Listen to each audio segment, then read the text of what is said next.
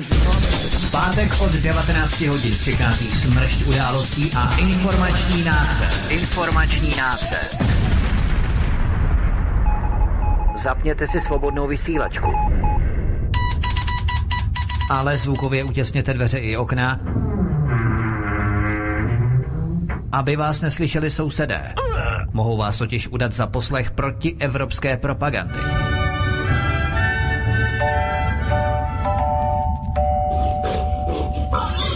Proto buďte tuctoví, všední a hlavně nevybočujte.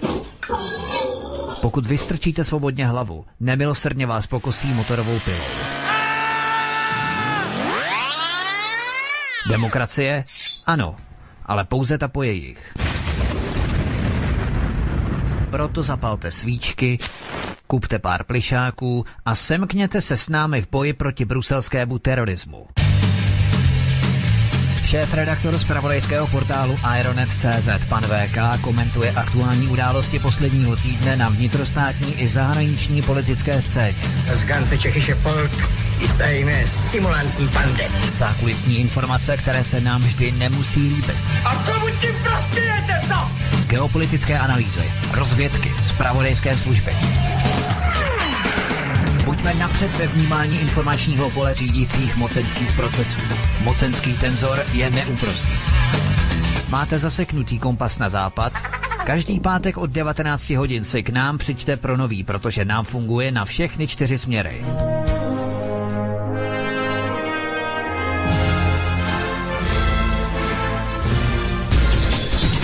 Každý pátek od 19 hodin šéf-redaktor z pravodejského portálu Aeronet.cz pan VK krátký myšvy jeho atamanského vyčínku vypumpuje náš tlak na 158%. Vedoucí kolotoče. Ve společném programu na svobodném vysílači CS. CS. CS. Hezký večer, vážení posluchači, já vás velmi, velmi vítám opět eh, z plzeňského studia, i když dnes to máme takové trošičku jinak, samozřejmě znáte to, eh, máme to rozdělené. Vítek a pan VK jsou úplně jinde než já, ale já to pouze zprostředkovávám. Takže Vítku, hezký večer a VK taktéž, zdravím. Ahoj Pavle, zdravím tebe, zdravím všechny posluchače, zdravím všechny heterosexuály, homosexuály, transexuály, všechny genderisty a všechny globalisty a neomarxisty a všechny zdravíme, doufám, že je nás tak, těchto skupin méně. Každopádně zdravím všechny posluchače a i tebe VK, ahoj. Já také zdravím všechny, jenom si prosím tě zapomněl na čučkaře, to je velmi důležité, ti nás také poslouchají, takže i je zdravíme eh, vedle tedy všech posluchačů a čtenářů Aerotu.cz a posluchačů Svobodného vysílače, takže přeji také krásný, pěkný večer. To je pravda. My musíme, musíme spe, speciální pozdrav zaslat tedy čučkařům. Oni mají dokonce i video, takže nás můžou odhalit uh, tu naší špionáž vlastně a tu naší seanci můžou odhalit všechno, takže super. Tak jo, super.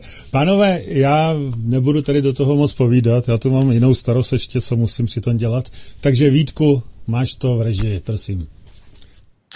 Tak, děkuji Pavle. My začneme rovnou zprávou, hned začneme trošku ze široka, ale potom se budeme přibližovat v soustředěných kruzích na Českou republiku. Totiž po 17 letech se začnou u amerického soudu konečně projednávat žaloby pozůstalých po obětech útoků z 11. září 2001 proti závěrečné zprávě inženýrů americké organizace MIST, která je obvinovaná ze spiknutí a zakrývání skutečných technických příčin zřícení budov Světového obchodního centra v New Yorku.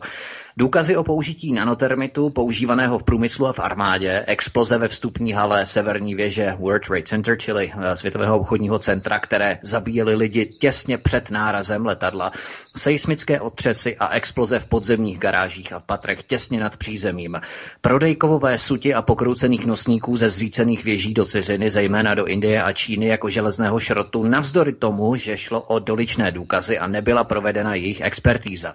Zahlazování stop, to Všechno a mnoho dalšího zazní u soudu v New Yorku v blízké době.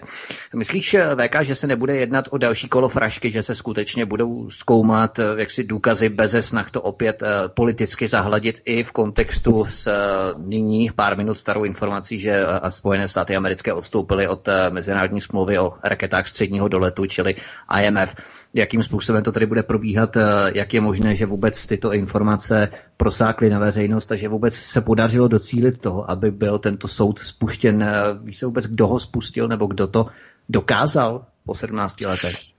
No, Vítku, já začnu přesně od konce, jak se teď vlastně um, začal, začal si od 11. září a skončil si vlastně dnešním dnem, uh, protože musíme začít od konce. Eh, Spojené státy před několika hodinami odstoupily od zásadní smlouvy eh, na zákaz vývoje zbraní středního doletu, přesně jak jsem varoval před několika měsíci v několika článcích, že toto opravdu hrozí, eh, tak to dnes opravdu nastalo. Americký minister zahraničí Mike Pompeo to známil na tiskové konferenci. To znamená, této chvíle Spojené státy začínají vyvíjet nové rakety středního doletu, ale co to znamená především pro spojenecké země v Severoatlantické, eh, Severoatlantické aliance? Znamená to rozmistování zbraní, včetně území České republiky. Je to otázka příštích dvou let. To je zásadní informace, protože pokud nedojde k politickým změnám v České republice, Andrej Babiš podle našich informací hodlá dokonce uznat uh, nového prezidenta ve Venezuele, uh, amerického, americkou loutku, uh, která um, onoho Juana Guaida.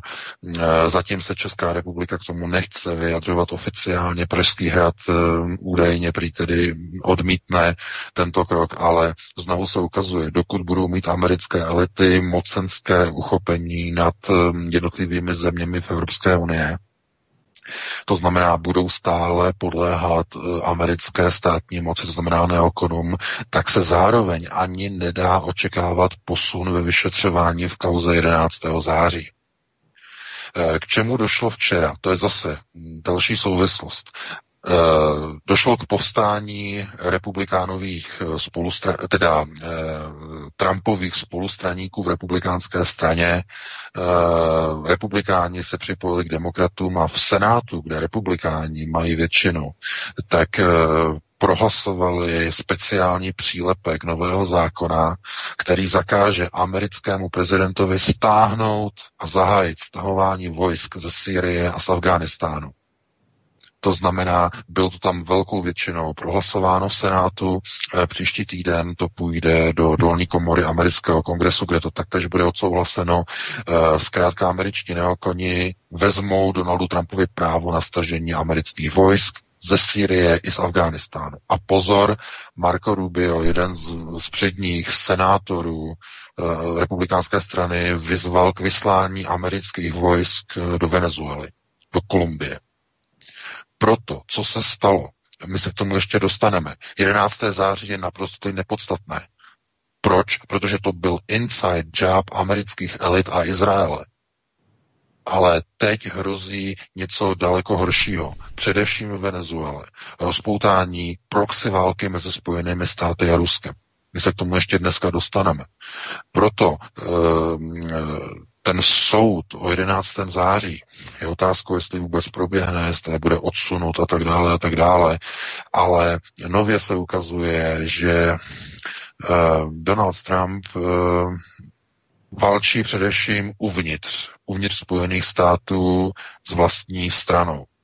Protože republikánská strana Donalda Trumpa považuje za cizí element uvnitř vlastní strany nežádoucí element. To, že se ho ještě nezbavil, je kvůli tomu, že jak říká Valery Pjakin, a platí to i pro Spojené státy a platí, platí to i pro americké obě dvě eh, politické strany, ty největší, a eh, pro republikány a demokraty, i pro republikány platí, nejsou kádry.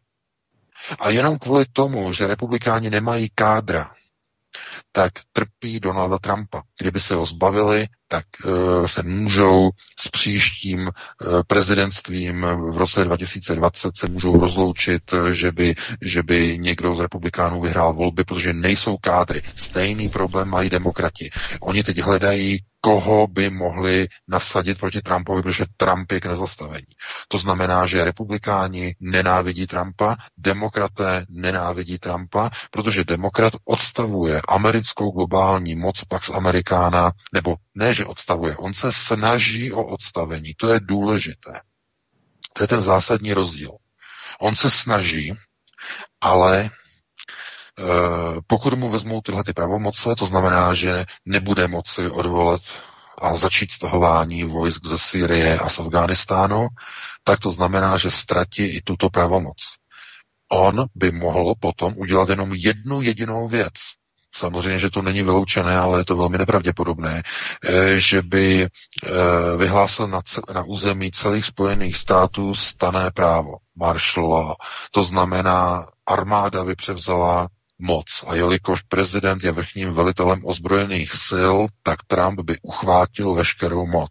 To by byla jediná možnost, jak by mohl si vymoci e, sílu a postavení nad americkým kongresem, který, jak se zdá, je plně a zcela pod kontrolou neokonů na obou stranách politického spektra, jak mezi demokraty, tak mezi republikány. To, co se stalo včera, je zásadní.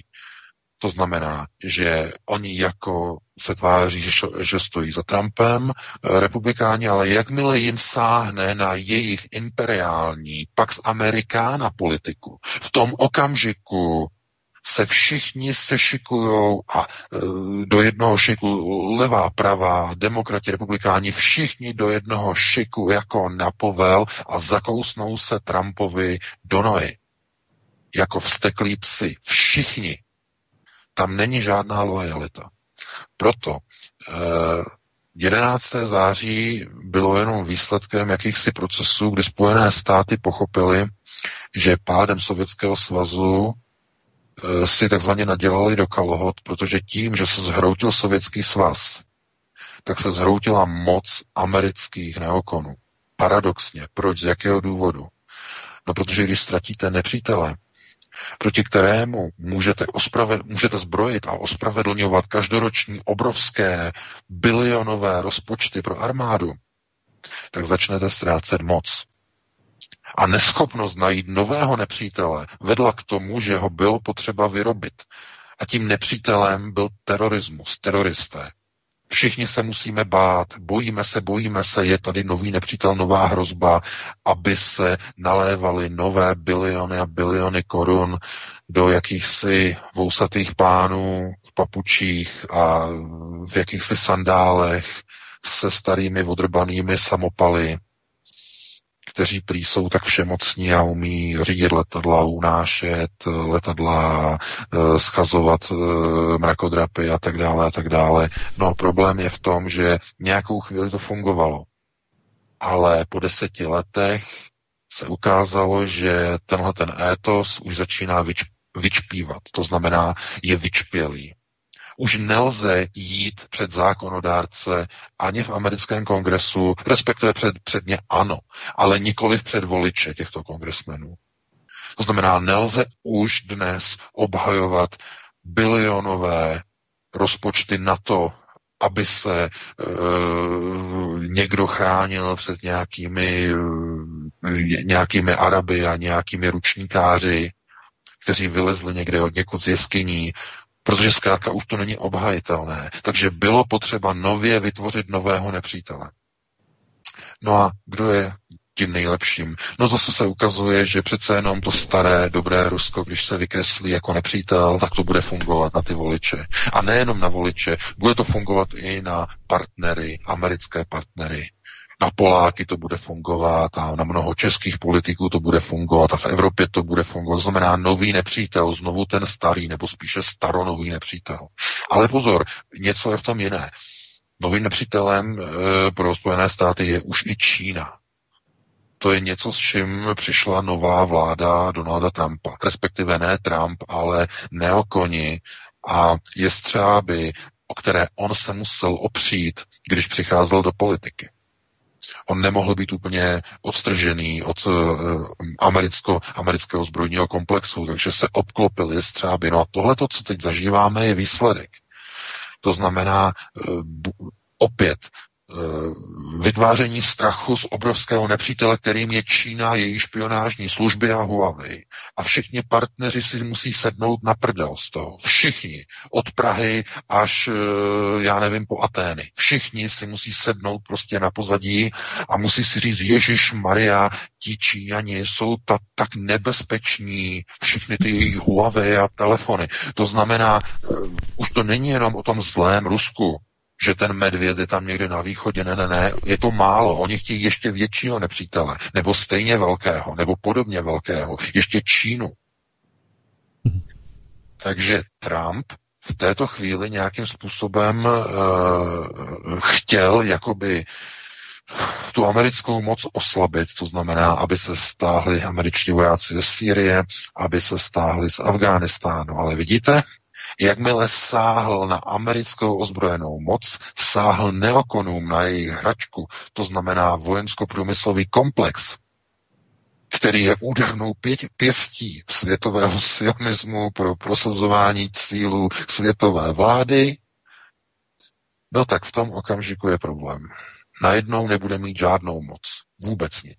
No a my se k tomu dostaneme ještě potom v další části pořadu, protože se hned přesuneme do Venezuely, ale e, to, když e, chtějí vzít Trumpovi pravomoc na stažení vojsk, tak mu automaticky zároveň vezmou právo rozhodovat, kam vojska nasunout a kam je pozvat, takzvaně v uvozovkách, kam je vysadit. To znamená, že kongres převezme prezidentské pravomoci a bude moci nejenom stahovat, ale i vysílat americké jednotky bez prezidentova souhlasu do různých zemí. A když jste se podívali a dívali jste se na tiskovou konferenci před třemi dny Johna Boltna, který přišel na tiskovou konferenci s poznámkovým trhacím bločkem v podpaží, kde bylo napsáno, že aby to všichni novináři viděli, to bylo ostentativně tak udělané, že pět tisíc vojáků amerických do Kolumbie, tak to byl vyslaný signál, že se jedná o výsadek, to znamená, že se chystá o jako jakési nasazení zase dalších vojsk a rozpoutání další války někde v nějaké další zemi, tentokrát ve Venezuele. A ty výroky, které přicházejí a přicházejí vlastně i dnes, tak jenom se ukazuje, že eh, všichni už to vědí, že, úplně všichni už to vědí, že eh, Nicolás Maduro, venezuelský prezident, demokraticky zvolený, eh, že se chystá už na válku Jednoznačně. A ví to i dokonce i Vladimir Putin, který včera měl velmi takové smutné takové e, vyjádření pro ruskou televizi, kde říkal, že e, bohužel my máme, on říkal, máme informace, že naši američtí partneři zítra opět zklamou naše očekávání, tím měl asi na mysli jednoznačně dnešní odstoupení Spojených států od smlouvy ANF, to znamená, že, že Rusové už to věděli dopředu, že dneska američané odstoupí, to je vidět, že zase mají dobré eh, informační kanály, nějaké výzvědné, takže tohle to už věděli, eh, Vladimir Putin to věděl, věděl už včera.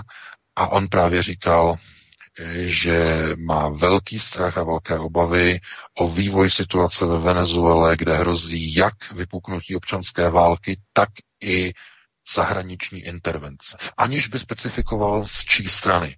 Ale je naprosto jasné, koho tím měla mysli. Intervence ze sousední Kolumbie, kde američané mají své vojenské základny.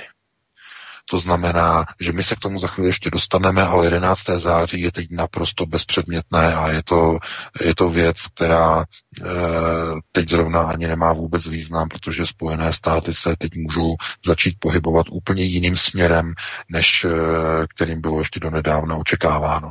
Pokud totiž Donald Trump nedokáže najít nějakého spojence v americkém kongresu, já ani nevím, kde on by ho tam hledal, tak on skončí příští rok jako pouze marioneta, která bude kandidovat eh, jenom jako nějaký takový jakoby symbolický reklamní obrázek na alternativu, ale přitom z té alternativy nebude moci prosadit vůbec nic. Jenom cíle, které budou v souladu se zájmy amerických neokonů. A znovu, když mluvíme o amerických neokonech, musíme si znovu uvědomit, že neokoni dělají pouze práci, kterou je pověří sionisté. Oni si pořád myslí, že dělají práci pro, já nevím, pro sebe, nebo já nevím, pro nějaké americké zájmy. To přece vůbec není pravda. E, neokoni a jejich válečná dobrodružství e, po světě a jednotlivé války jsou špinavou práci světového sionismu. No já nevím, jestli jste někdy viděli, že by, já nevím, e, já nevím, že by sionisté, ti, kteří chodí v kravatách a ti, kteří sedí v bankách, že by někde vytáhli nějaké kalašnikovy a šli někam bojovat. No pro boha, proč by to dělali? Na to přece mají svoje lidi na špinavou práci. Americkou vládu, americké neokony a jejich údernou pěst, armádu. Oni pozabíjí lidi. Masakry, jako ve Větnamu, v jiných zemích Eh, schazování na palmu a tak dále. Znamená, na špinavou práci mají americkou armádu. A když je hotovo, tak potom přicházejí procesy, kdy oni jim řeknou, tak vy už jděte domů, už jděte pryč, nebo tady něco jakoby um, jenom ochraňujte někde, uh, já nevím, nějaké ploty a nějaké věci, ale procesy už potom řídí někdo úplně jiný. Vždyť se podívejte, jak to dopadlo v Iráku. Někdo by řekl, americká armáda, porazili a zabili tam Saddama Husajna, no tak američané z toho budou profitovat. No ale to přece není pravda. Jakmile skončily vojenské operace v Iráku a dneska se podíváte, kdo tam má nejvíce podnikatelských aktivit, no, tak jsou to globalistické firmy. Jsou tam německé firmy, francouzské firmy, italské firmy, čínské firmy, No a po amerických firmách tam skoro není ani video, ani slechu v Iráku. A, teď, a, a samozřejmě z Velké Británie firmy, ale ne po amerických. Jak je to možné? Z jakého důvodu? No, protože američané měli za úkol jenom odvést špinavou práci. No a pro koho? Pro americkou vládu? No vůbec ne. No a jaká je to vláda? Loutková. A pro koho pracuje? No pro světové sionisty. Takže znovu, američané to nejsou ti nedělají něco ve, ve své zájmy, ve svůj prospěch. To jsou sionisté nosatí od zhora až dolů. Od eh, lidí okolo prezidenta až dolů po uklizečku. Všichni. Na jejich výplatních páskách.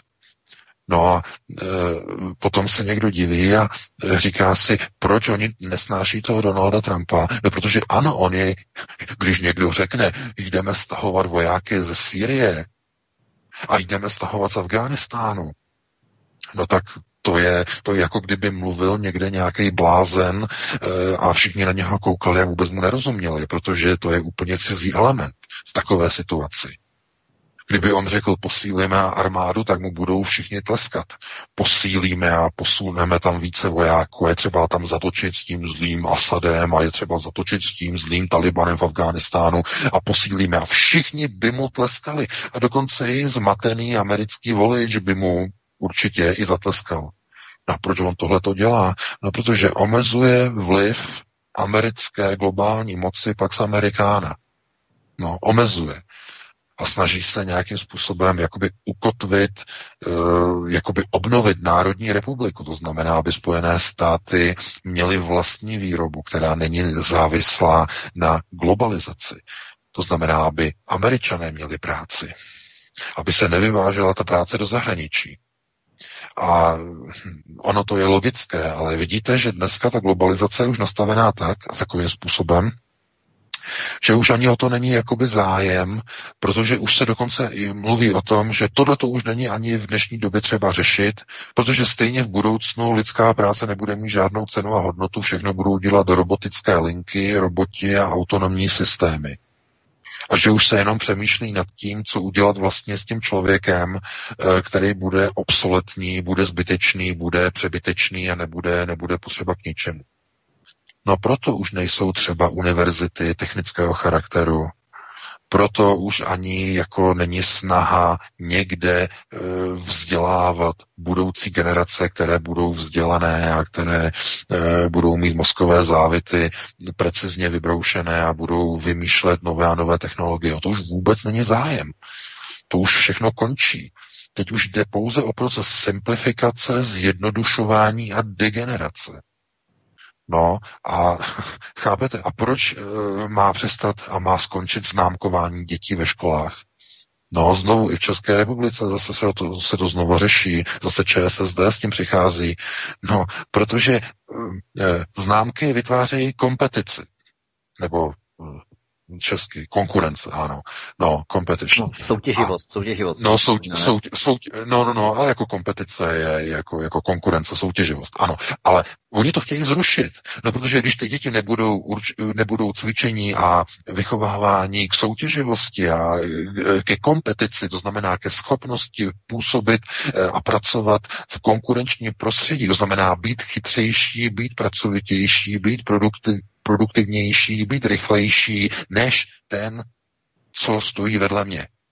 Nebo ten můj kamarád, nebo tenhle ten a tamhle ten. Být lepší a mít své, a ne, ne mít své místo na slunci, ale bojovat o své místo na slunci. Tahle ta kompetice vlastně umožnila bílé rase dostat se tam, kde se dnes nachází. Na rozdíl od prvobytně pospolných společností, jako jsou třeba křováci v Africe. Oni neznají kompetici, křováci. Jo, e, v poušti Kalaháry. No, to je takový zajímavý, že oni mají vlastně sdílenou ekonomiku, oni mezi sebou sdílí všechno, ne- neexistuje tam u nich vůbec e, soukromé vlastnictví, nic takového. No ale, e, když odstraníte kompetici z výchovy, no tak vaše civilizace se nikam neposune. Protože z jedince a z jeho myšlení odstraníte snahu o vytváření e, a lepší práce a vytváření lepších a vyšších hodnot, než mají ostatní a o dosažení určitého vyššího cíle. To znamená o dosažení lepšího místa na slunci. To je, zá, to je základ pokroku civilizace. Pokud tohle to odstraníte, tak tím likvidujete celou civilizaci. Jenom tím, že odstraníte z výchovy dětí kompetici. No, a tohle to, no a kdo to stojí? No sionisté. Proč bílý člověk je jediný, který je dokáže ohrozit na jejich plánu světové vlády? No a Donald Trump dělá přesně to, co by očekávala, eh, nebo co by jsme očekávali od každého vůdce. To znamená, bude se snažit, aby ve Spojených státech rostla kompetice. To znamená, aby američané vytvářeli lepší produkty, aby měli lepší práci, aby ta, aby ta chytrost nebyla vyvážena do zahraničí, do Číny, především do Číny, kde Číňané se naučili západní technologie, to, co se vyrábělo v Americe, bylo přesunuto do Číny a Čína dneska se naučila všechno a poráží Ameriku na ekonomickém poli. No a Trump tohle to chce jako zvrátit, ale já se obávám, že tohle to už jsou jakoby v mnoha ohledech jednosměrné procesy, eh, když eh, vidíte, že tenhle ten systém vyhovuje tolika a tolika lidem ve společnosti. To znamená, ony neoliberální cíle nebo neoliberální teze, americká neoliberální společnost, LGBT, feminismus a tak dále, soy boys, všichni tyhle, uh, jakoby předělávání uh, pohlaví a volba, free choice, to znamená, jestli jste muž, žena, tak si to můžete zvolit uh, ve věku 12 let, tohle to je zase, zase z toho bar mitzvah od židů, že ve 12 vlastně oni jako se stávají dospělými a tak dále, tak dále a oni to chtějí převést jako trochu do globalizace. To znamená, že ve 12 by si mohlo dítě samo určit, jestli chce dál vyrůstat jako, eh, jako chlapec nebo jako dívka, nebo jako takzvané, tak, eh, takzvané neutrální pohlaví. Jo, neutrom, mu říkají. Tak chápete, dneska už je možné úplně všechno. No a proč? No znovu, pokud v té společnosti bude civilizace nastavená tak, že nikde nejsou určena žádná pravidla, to znamená jakási můžeme tomu říkat i multiplexní svoboda, to znamená více vrstva, to znamená moje svoboda, tvoje svoboda, ale ve skutečnosti to povede jenom k tomu, že nikdo se nebude snažit o svůj vlastní růst protože to vyžaduje námahu a vyžaduje to určité úsilí. A dneska, co vidíme okolo sebe, je pouze snaha všechno zjednodušovat, simplifikovat. Jaké pak úsilí? Všechno automaticky, všechno přes elektronické systémy, robotické systémy. Nemuset vlastně vůbec nic, všechno, aby bylo řešeno nějakými jinými cestami, které jsou maximálně zjednodušené.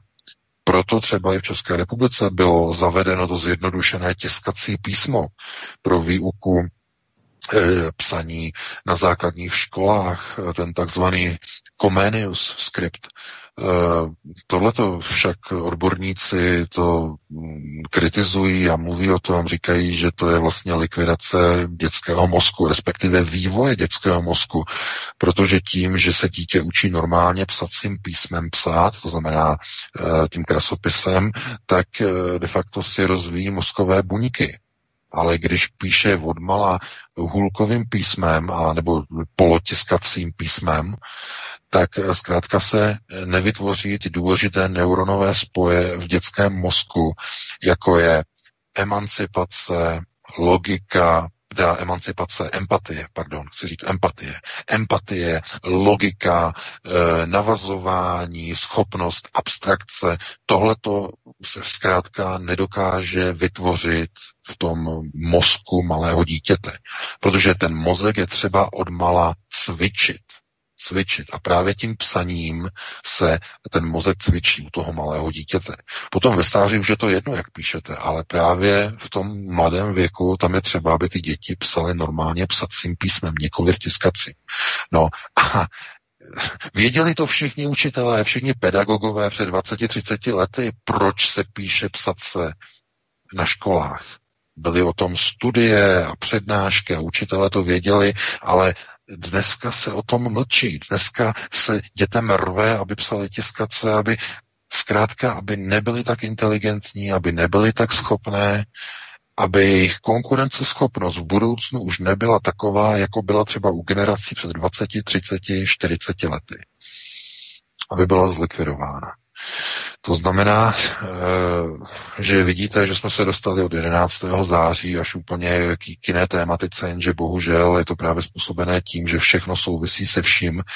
A co se týče 11. Eh, září, tak to je pouze jedna epizoda, kostička z jednotlivých plánů a architek, architektonických návrhů amerických neokonů, na řízení světových procesů. Přičemž oni si myslí, že něco řídí. Ne.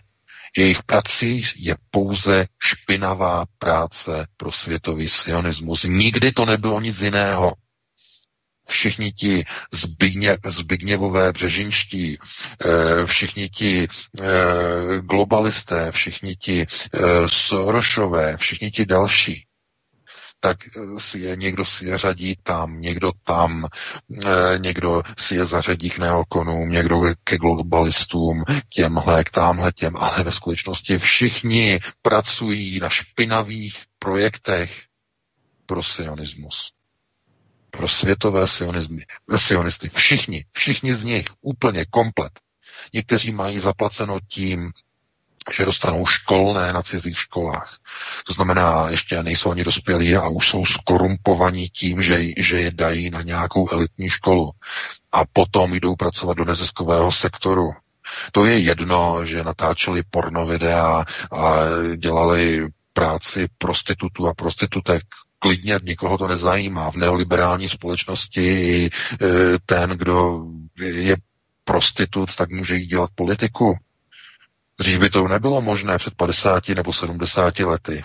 Takový člověk by byl spodinu ve společnosti. A dneska, dneska má volné e, pole působnosti a prostor na české televizi od rána do večera. Nikomu to nepři, nepřipo, nepři, nepřipadá jako nějaké amorální nebo protispolečenské zvrácené. No v dnešní době už vůbec ne. No a lidé, kteří, eh, já nevím, se paktují s nějakými oligarchy a novináři, kteří jsou placeni oligarchy a tak dále a tak dále a e, říkají, že my přinášíme tu pravdu a tam ty dezinformační servery a pro ruské servery a tak dále a tak dále. No a novinář, který je placený třeba tunelářem, tak jako ten je v pohodě.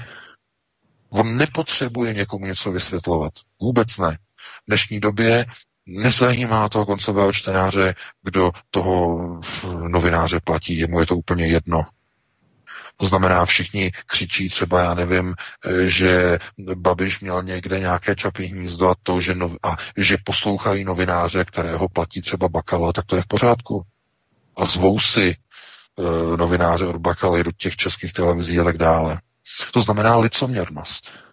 Ale to není licoměrnost jenom u mainstreamových médií, to je i u obyčejných lidí. U obyčejných lidí vidíte, že rozdělují informace na mainstreamové a tím, a tím jako e, dáváme najevo, že věříme jenom tomu, co říkají oficiální zdroje a nezajímá nás třeba, co říká alternativa. To znamená, to jsou takové ty konformní postoje přijímání informací. No a ten zdroj, jaký je ten, ten zdroj, to už nikoho nezajímá. To znamená, že někdo přebírá informace od Reuters, AP, AFP a odkud oni mají ty informace.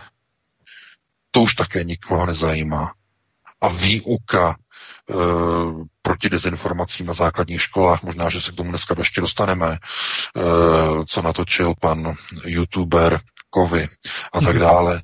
Zkrátka, eh, jako co on chce jako říkat eh, nějaké mládeži, která teprve vychází ze škol, nebo já nevím, budou maturovat a tak dále, a ještě v životě vůbec nic nezažili. To znamená, vytváří si nějaké hodnoty, nějaké žebříčky hodnot, něčeho. No, a koho teda mají poslouchat? Bývalého pornoherce z neziskové organizace? Nebo nějakého, řekněme, úspěšného youtubera, který si posílil svoji prestiž tím, že provedl coming out a že se přiznal ke své sexuální orientaci. A nebo je to někdo jiný, kdo třeba, já nevím, je členem eh, třeba Aspen institutu, jako pan Hamáček, předseda ČSSD, institutu, který založil a přivezl do České republiky Zdeněk Bakala, to znamená, kde potom ti mladí lidé, kteří třeba přicházejí do života, tak od koho oni chtějí čerpat informace? Od takovýchto lidí? A nebo někomu vadí, že neví o někom, jaké nosí ponožky, nebo jak se kdo jmenuje, jak se jmenuje nějaký pošťák. Chápete, to znamená, lidi už ani nezajímá to, co čtou, ale kdo jim to říká. To znamená, že když vy postavíte před někoho člověka, kterému oni věří, tak on může říkat sebe větší lži a sebe větší nesmysly. A všichni, kdo ho poslouchají, budou spokojeni, protože jemu přece věří. Vždyť to přece říkali v tom naučném videu o dezinformacích. Máme věřit jenom těm seriózním novinářům z velkých mainstreamových médií, které financují čeští oligarchové, říká pan Kovy, youtuber radí českým školákům. No, já říkám, to jako, to už je, to už je pruser.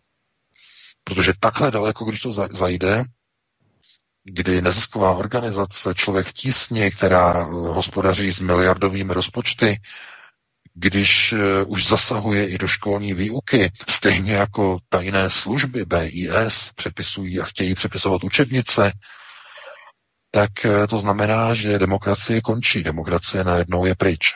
No a kdo to umožnil, kdo to připustil? No, národ, lidé. Jednak svoji rezignaci na politický vývoj v České republice po roce 89, to je zhruba nějakých 40% obyvatel, kteří nechodí někdy k volbám. No a těch zbývajících 60% to jsou lidé, to jsou konformisti konformní přístup eh, lidí k procesům ve společnosti, které vedou k sionistické globalizaci, to znamená k zániku národu a národního ukotvení, de facto ke genocidě naší vlastní civilizace. No, eh, takže já bych tady to téma opravdu musel rychle teď ukončit, eh, protože jsme tím zabili doslova celou hodinu a de facto jsme se ani pořádně nějak jako nedostali k tomu 11. září, ale já to znovu zdůvodním, z jakého důvodu. Eh, to 11. září de facto všichni znáte všichni víte, eh, že to nebyl, nebyla věc, která by byla zorganizována nějakými teroristy, kteří přišli od někud z nějakého pískoviště nebo z nějakých hor z Afghánistánu nebo ze Saudské Arábie, někde z nějaké pouště a z velbloudů.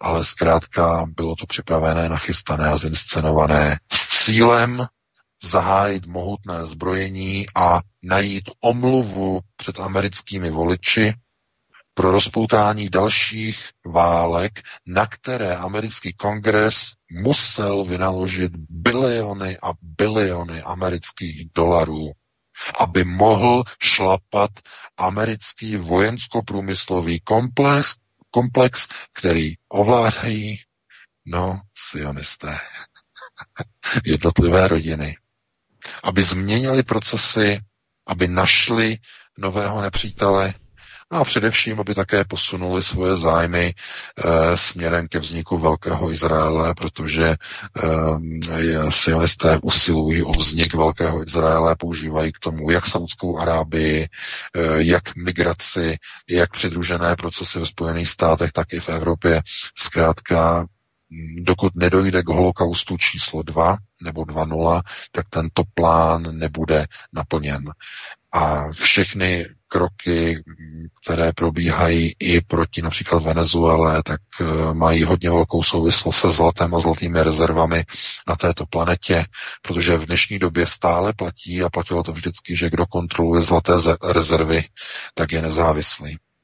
To znamená, že nezávislost sionisté nepřipouští Nikomu, nikomu nedovolí, aby byl nezávislý. Proto i Česká republika se musela povinně vzdát svých zlatých rezerv. Pan Tošovský odevzdal domů Rothschild v 90. letech zlaté, zlaté zásoby z České republiky eh, do Londýna a tak dále a tak dále. Nebylo to poprvé, to bylo několikrát v historii. Bylo, a bylo přitom zajímavé, že to byl právě Gustav Husák, který vykoupil a odkoupil e, z ciziny zásoby tehdy ještě československého zlata, ještě z dob e, před e, vypuknutím druhé světové války. Tak potom vykupoval zpátky a navyšoval státní rezervy zlata tehdejší ČSSR. No, vidíte. E, takže ty procesy se jakoby nějakým způsobem převrací a Nemůžete se potom divit, že rozvědčíci a různí čučkaři chtějí přepisovat eh, české učebnice dějepisu a literatury, protože eh, kdyby totiž zůstaly tak, jak jsou, tak by děti se dozvěděly jinou verzi historie, než která je nyní aktuálně poplatná současnému režimu. Takže tímhle tím bych to asi ukončil a předal bych ti slovo, Vítku. Já jsem si tady dělal jenom VK stručné poznámky k tomu, co jsi říkal, ke kterým v rámci věcí, ke kterým bych se chtěl vrátit. A ty jsi tu hovořil o korupci politiků, korumpování politiků, vlastně už raného působení, už od kolébky, řekněme, univerzitního charakteru, kdy uh, loví kádry v podstatě v akademických kruzích. To tady můžeme vidět třeba na plzeňských právech. To byla taková líheň, řekněme, kolébka kádrů, které si vládnoucí struktury establishment připravovali, aby dělali za ně právě tu špinavou práci Eh, nikoli tedy válečnou, ale právnickou, řekněme, nebo akademickou i v rámci, eh, řekněme, vykonávání advokacie.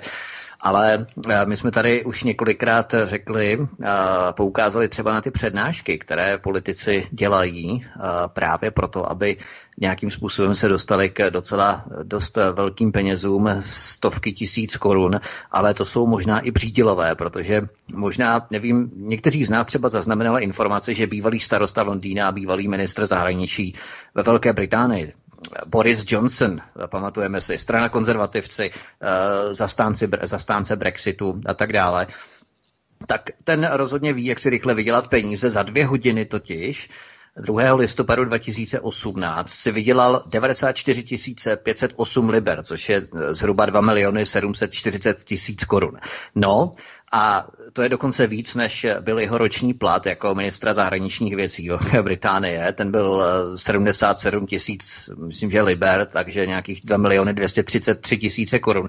Ale stalo se tak v New Yorku, on byl totiž pozván do New Yorku, kde měl dvouhodinovou přednášku Boris Johnson na pozvání firmy Golden Tree asset management. A zase máme Golden, Golden Sachs, Golden Tree asset management a tak dále. A, a tady si vydělal přes 2 miliony 700 tisíc korun za dvě hodiny eh, čistého času. Takže kdyby tohle viděl třeba eh, chudák David Rád, tak si mohl udělat pár přednášek a přišel by na sedmičku v krabici od vína úplně v pohodě. Přesně tak, jo? přesně tak. Takhle, takhle oni takhle, to dělají standardně. De facto se jedná o legalizaci korupce nebo legalizace výnosů z trestné činnosti. Tohleto. To znamená, oni mají někde peníze, které nemají, nebo de facto, které chtějí uvolnit a oni je poskytnou jako platbu za přednášku. No a slouží k tomu různé, různé přednášky různých cizích zahraničních účastníků, eh, kdy jim jako vyplatí nějaké částky a část jde tomu, který vlastně měl přednášku a část jde potom do neznáma kam.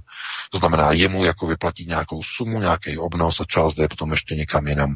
Eh, no, chápete. No, potom se jako divíte a říkáte si, jak je možné, že třeba eh, předseda lidovců, pan Bělobrádek, eh, po skončení voleb 2013 parlamentních, tak místo, aby řešil sestavování vlády a eh, vyjednávání o koalici, tak hned po volbách odjel na 14 dní do Spojených států na přednášky. jo, chápete? No to se nedá jako odmítnout. Chápete? To je celé vaše živobytí kolik si vyděláte za několik přednášek tam. V uvozovkách vyděláte.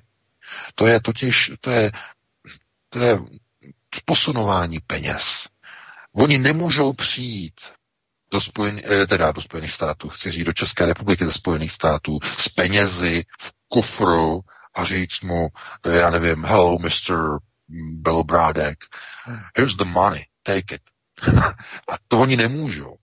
Zkrátka to by byla korupce, to bylo trestné a tak dále, a tak dále. Ne, oni ho pozvou a on tam udělá pár přednášek, tam posadí pár lidí, no a za tu přednášku potom přijdou různé peníze. Ale nepřijdou přímo jemu a přijdou třeba, nevím, nějaké nadaci, nějaké chartě, kde třeba je nějaká, nějaký podíl, eh, nebo přijdou do stranické pokladny a tak dále a tak dále. Já, já neříkám, že tohle to bylo zrovna v případě pana Bělobrátka, to zase tyhle ty informace nemám. Jenom popisuji ty procesy, jak, jaké oni používají pro takzvané vytipované kádry.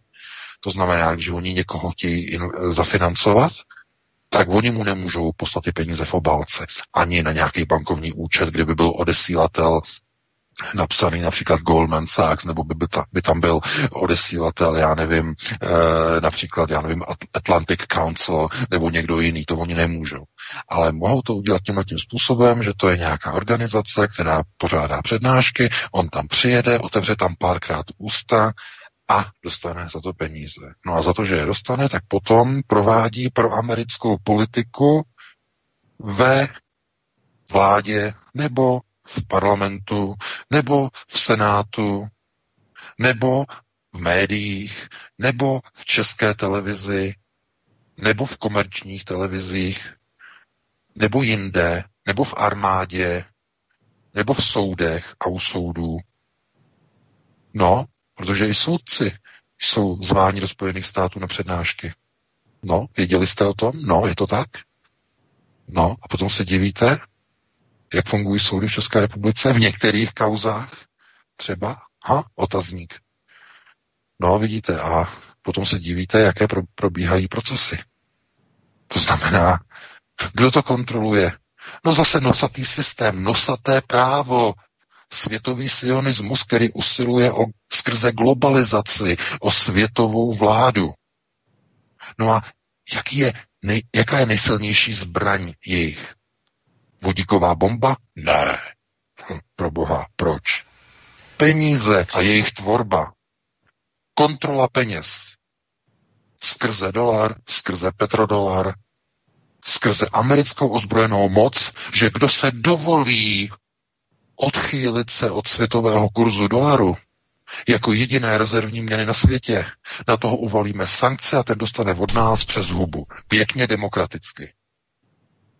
To znamená, všechny procesy, které probíhají proti některým zemím, jako je Irán, Severní Korea, no a teď samozřejmě Venezuela, tak je jenom kvůli tomu, a samozřejmě Rusko, tak je jenom kvůli tomu, že tyto země se odpoutávají od používání sionistického petrodolaru.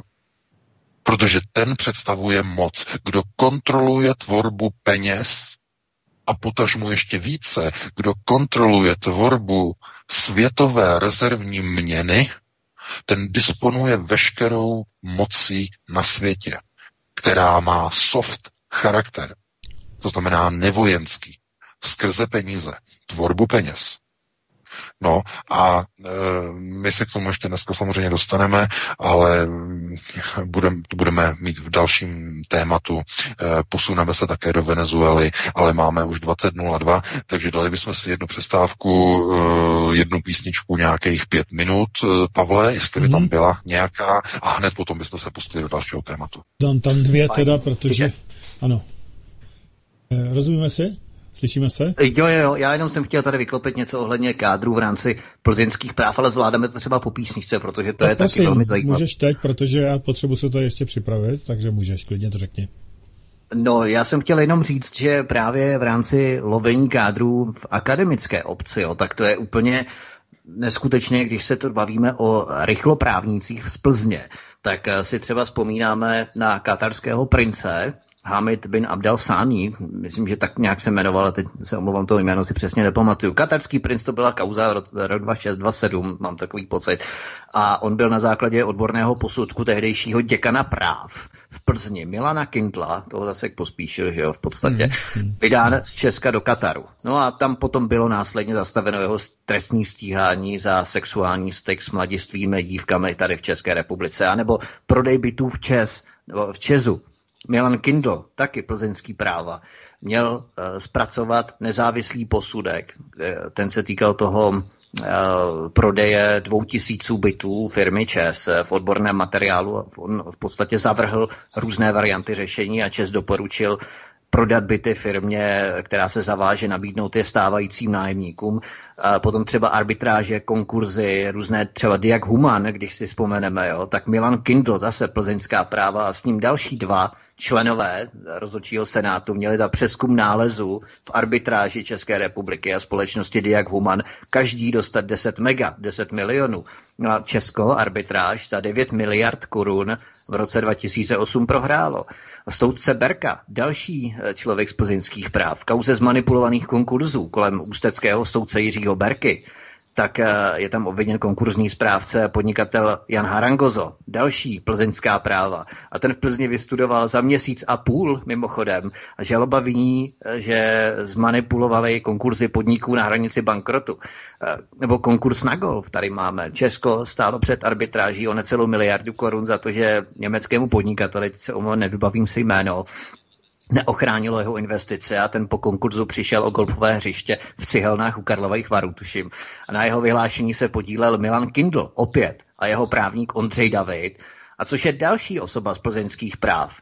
Nebo výhodný pro nájmy. Poslední věc, vysoká škola, další student z Plzně, starosta Prahy 5, Milan Jančík, uh, uh, ODS, jo, Milan Jančík, bývalý starosta z Prahy 5, plzeňská práva, tak prodal mimořádně výhodně lukrativní budovu soukromé vysoké školy Karla Engliše, kterou vlastnil Jan Harangozo, opět další člověk z plzeňských práv. a takhle bychom mohli pokračovat dál. To znamená, že těch špinavých kaus, který v podstatě mají na svědomí lidé, kteří zároveň uh, jsou jaksi kádři pěstovaný právě v rámci rychloprávníků na plzeňské fakultě, plzeňské fakultě práv. Tady jich je celá řada, akorát si to musíme prostě spojovat dohromady, jakým způsobem Vládnoucí establishment používá právě tyto lidi ke svým špinavým hrám, zákulisním politickým hrám, podvodům a tak dále.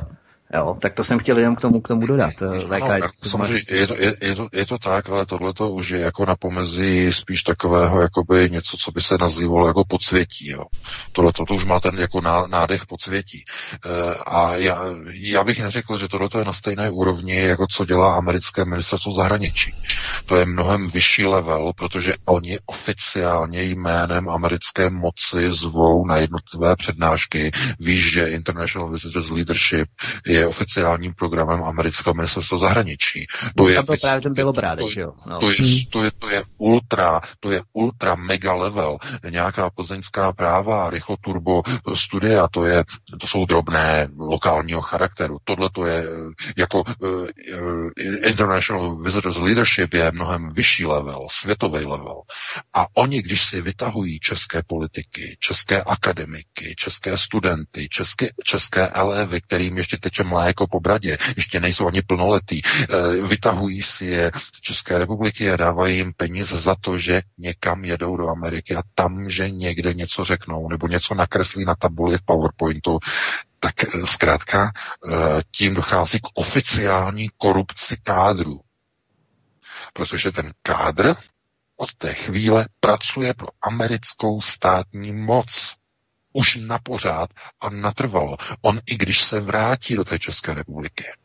Hmm. To znamená, to je korumpování elit hned od základu, ale s požehnáním cizího státu, s požehnáním cizí mocnosti. To je ten problém. A e, víte, e, to má velké přesahy s tím, k čemu došlo po roce 89. K výkonné moci byli dosazeni naprostý diletanti. S výjimkou těch, kteří byli připraveni k destrukci národního státu a k vytunelování republiky v takzvaném prognostickém ústavu. Jejich cílem bylo převést státní majetek do rukou jednak soukromých, ale především cizích a zahraničních partnerů. Zbytek, který byl neživotaschopný nebo takzvaně neživotaschopný, byl zlikvidován a stejně tak byly, ale pozor, zlikvidovány i schopné podniky, které ovšem konkurovaly na západních trzích západním partnerům. Aerovodochody, Tatra Kopřivnice, Zetor Brno a především SONP Poldy Kladno, které konkurovalo indickému metalu, eh, metalu. Byly úmyslně vytunelovány a úmyslně zlikvidovány tím, že do jejich vedení byli dosazeni diletanti, určení k destrukci těchto podniků. Nikoli v kádry, ale k destrukci. Mm. To znamená, byly to zločinné procesy po roce 89. Od samotného začátku. Likvidace. A vy se nemůžete divit, že po 30 letech se přepisují učebnice, že na tom přepisování se podělí tajná služba, Nemůžete se divit, že se vydávají eh, vysokoškolské diplomy eh, lidem z podsvětí a z galérky. Nemůžete se divit, že ve společnosti, kde eh, se na různých dotacích a dotačních titulech odklánějí miliardy a miliardy korun, že na straně druhé jsou sankcionováni e, někde nějací, já nevím, bezdomovci, kteří někde, někde ukradnou v nějakém obchodě někde nějaký rohlík a hned je někde nahání. Chápete? To znamená, když ukradnete 100 korun, tak vás zavřou, a když ukradnete 100 miliard, tak, se, tak budete označen za, nebo tak to bude označeno za nešťastnou finanční investici. To znamená, když jsme se třeba podívali na to, jak e, dopadla třeba kauza a arbitráž z televizí Nova, s tehdejším vlastně držitelem licence e, Vladimíra Železného, který držel licenci a Ronaldu Lodrovi vlastně potom de facto no, odklonil celou televizi, tak přišla arbitráž, no a zaplatil to český daňový poplatník té arbitráže. No Chápete? A e, tyhle ty procesy by nikdy neproběhly a neproběhly by ani e, pády kampeliček, pády bank, největší kauza, pád největší české banky, IPB, kauza Nomura, e, vytunelování agrobanky, a různé ty asety, potom GE, Moneybank a tak dále a tak dále. Dneska je to moneta a tak dále. To zkrátka, eh, to, to by nikdy nebylo připuštěno, kdyby, nedopo, kdyby v roce 89 nedošlo ke zhroucení systému vedení a řízení pro národních kádrů. Protože i ta nová garda, takzvaná nová garda komunistická, neměla ty potřebné kádrovací schopnosti nebo schopnosti kádrů, tak neměla. No a stará garda okolo eh, lidí takzvaného roku 48, to znamená ti, kteří prosazovali budování socialismu, už byli příliš staří na nové procesy takzvaně nové Evropy, tehdy nově přicházejících e, systémů globalizace, kdy teprve v 80. letech e, začala globalizace naplno pronikat do Evropy a především do střední Evropy. Teprve až koncem 80. let. Takže Všechno je to komplexní obraz a dneska po 30 letech zkrátka jenom sklízíme ty e, hořké a spíš bych řekl jedovaté plody e, vývoje posledních 30 let a zdaleka to není u konce, protože oni dosadili kádry pouze na ta místa, kde je potřeba udržet věci v takzvané, v takzvané tip-top pozici, tam, kde to musí být v pořádku. To znamená Česká národní banka, Rada ČNB. Tam oni dosadili eh, to ty nejlepší. To oni potřebují, sionisté. Ale, na, ale do vlády, parlamentu, eh, do různých výkonných, eh, výkonných struktur dosadili ty největší diletanty, které mohli najít. A oni by byli rádi, kdyby tam byl ještě někdo úplně jiný, kdyby tam nebyli lidé, jako je třeba, eh, já nevím, jsou různí Petříčkové. I Petříček je vlastně takovým prototypem člověka, který neví vůbec, co se děje. A oni by byli radši, kdyby tam byl někdo ještě, ještě, ještě ohebnější, ještě lépe vyškolený kádr. A to už nejde, ale smyslu, to už nejde. Ve smyslu, ve smyslu, že eh, ne, že bude, že, že, se, že, že se aspoň on se totiž nikdy ani neopije. jo? To je chyba. Protože on se musí podívat, jak to dělají ti, kteří mají za úkol provádět destrukci. Jako Jelcin, že jo? Jako Jelcin, to byl zrovna příklad. No, jak, jako, jako Jelcin a jako Jean-Claude Juncker. Ano. To znamená, jestliže někdo je dosazen k tomu, aby prováděl destrukci, to znamená jako takzvaný rozkladný kádr, tak se musí podle toho chovat. To znamená být ochlasta, ožrala, e, ničemu nerozumět. A to je potom ta nejlepší kvalifikace, protože všechno dodrbe. A čím více to dodrbe, tím lépe. No proč myslíte, že se tam drží Juncker v Evropské komisi? No protože on splňuje všechny tyhle ty předpoklady. No a proč? No protože jeho úkolem je pouze provádět proces destrukce a rozkladu Evropské unie. Hmm, hmm. To znamená to samé, co proběhlo v České republice a v Československu po roce 89. Dosadit schopné kádry jenom tam, kde bylo potřeba, aby se posunuly věci k úspěšnému vytunelování majetku z Československa. Tam bylo třeba dosadit kádry, vystudované a v různých prognostických ústavech a tak dále. To znamená, tam ano. Ale jakmile bylo hotovo, tak se všichni ti kádry z deva, nebo ti kádři z 90. let najednou si to všimněte, najednou se vytratili z politiky a přešli do soukromých organizací, s obrovskými příjmy do nadnárodních struktur, pan Dlouhý třeba, Goldman Sachs a tak dále, najednou dostal pozice a fleky u sionistických bankéřů za odměnu, že dobře provedl destrukci Československé socialistické republiky po roce 89, pan Čalfa a další. To znamená, že byla destrukce provedena úspěšně, dostali za to své fleky, takže už nepotřebovali být v politice. A pomalu se stáhli z politiky. Všichni aktéři 90. let. No a kdo přišel místo nich?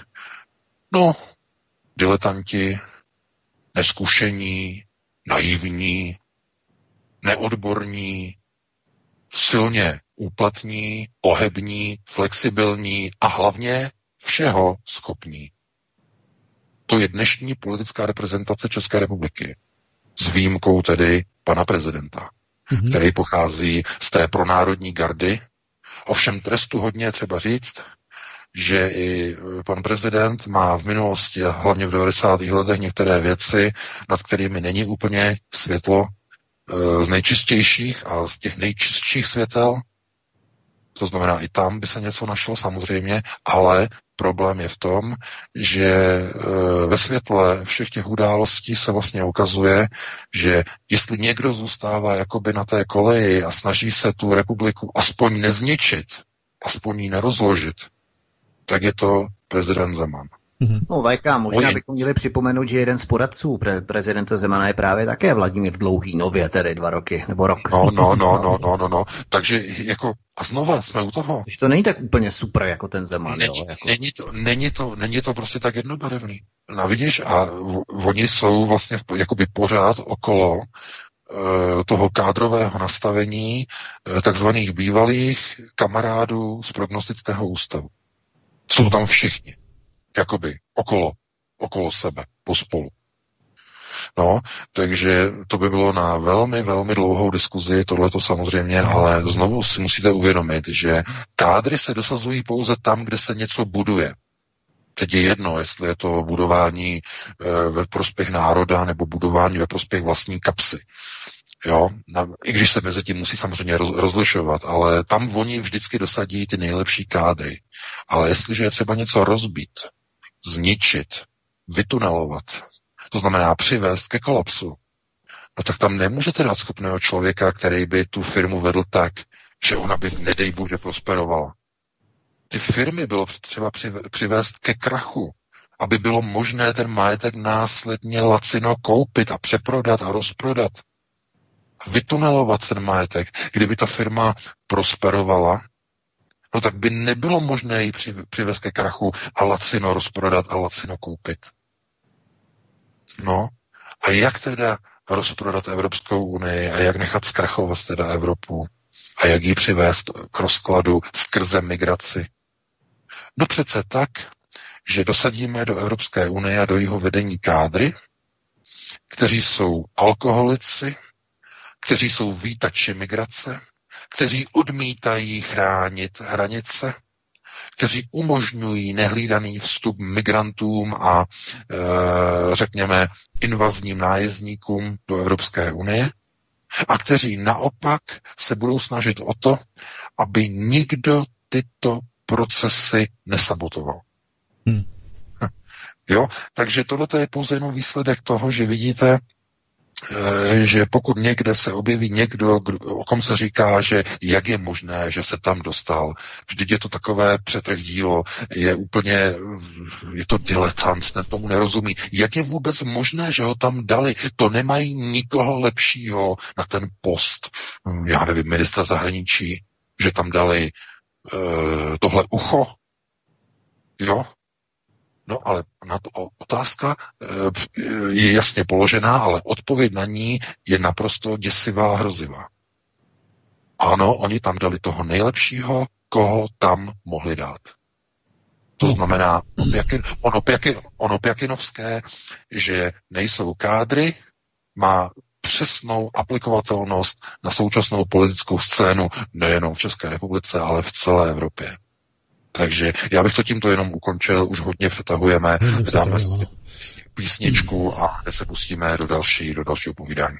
Jasně. Ano, přesně tak. Já jenom doplním, že příští hmm. hodinu se podíváme na pravou mediální gramotnost, protože na základě youtubera, který se uh, angažoval právě v člověku v tísně a jeden svět ve školách v rámci tohoto projektu a vysvětlování, co to je dezinformace a jaká správná média bychom měli číst, tak Aeronet spouští pravou mediální gramotnost takzvanou a na ten šestibodový systém kodexu se podíváme příští hodinu stejně tak jako na další informace a dáme si Pavlu písničku. Já si chci ťupnout nějaký salámek trošku. Jo, takže...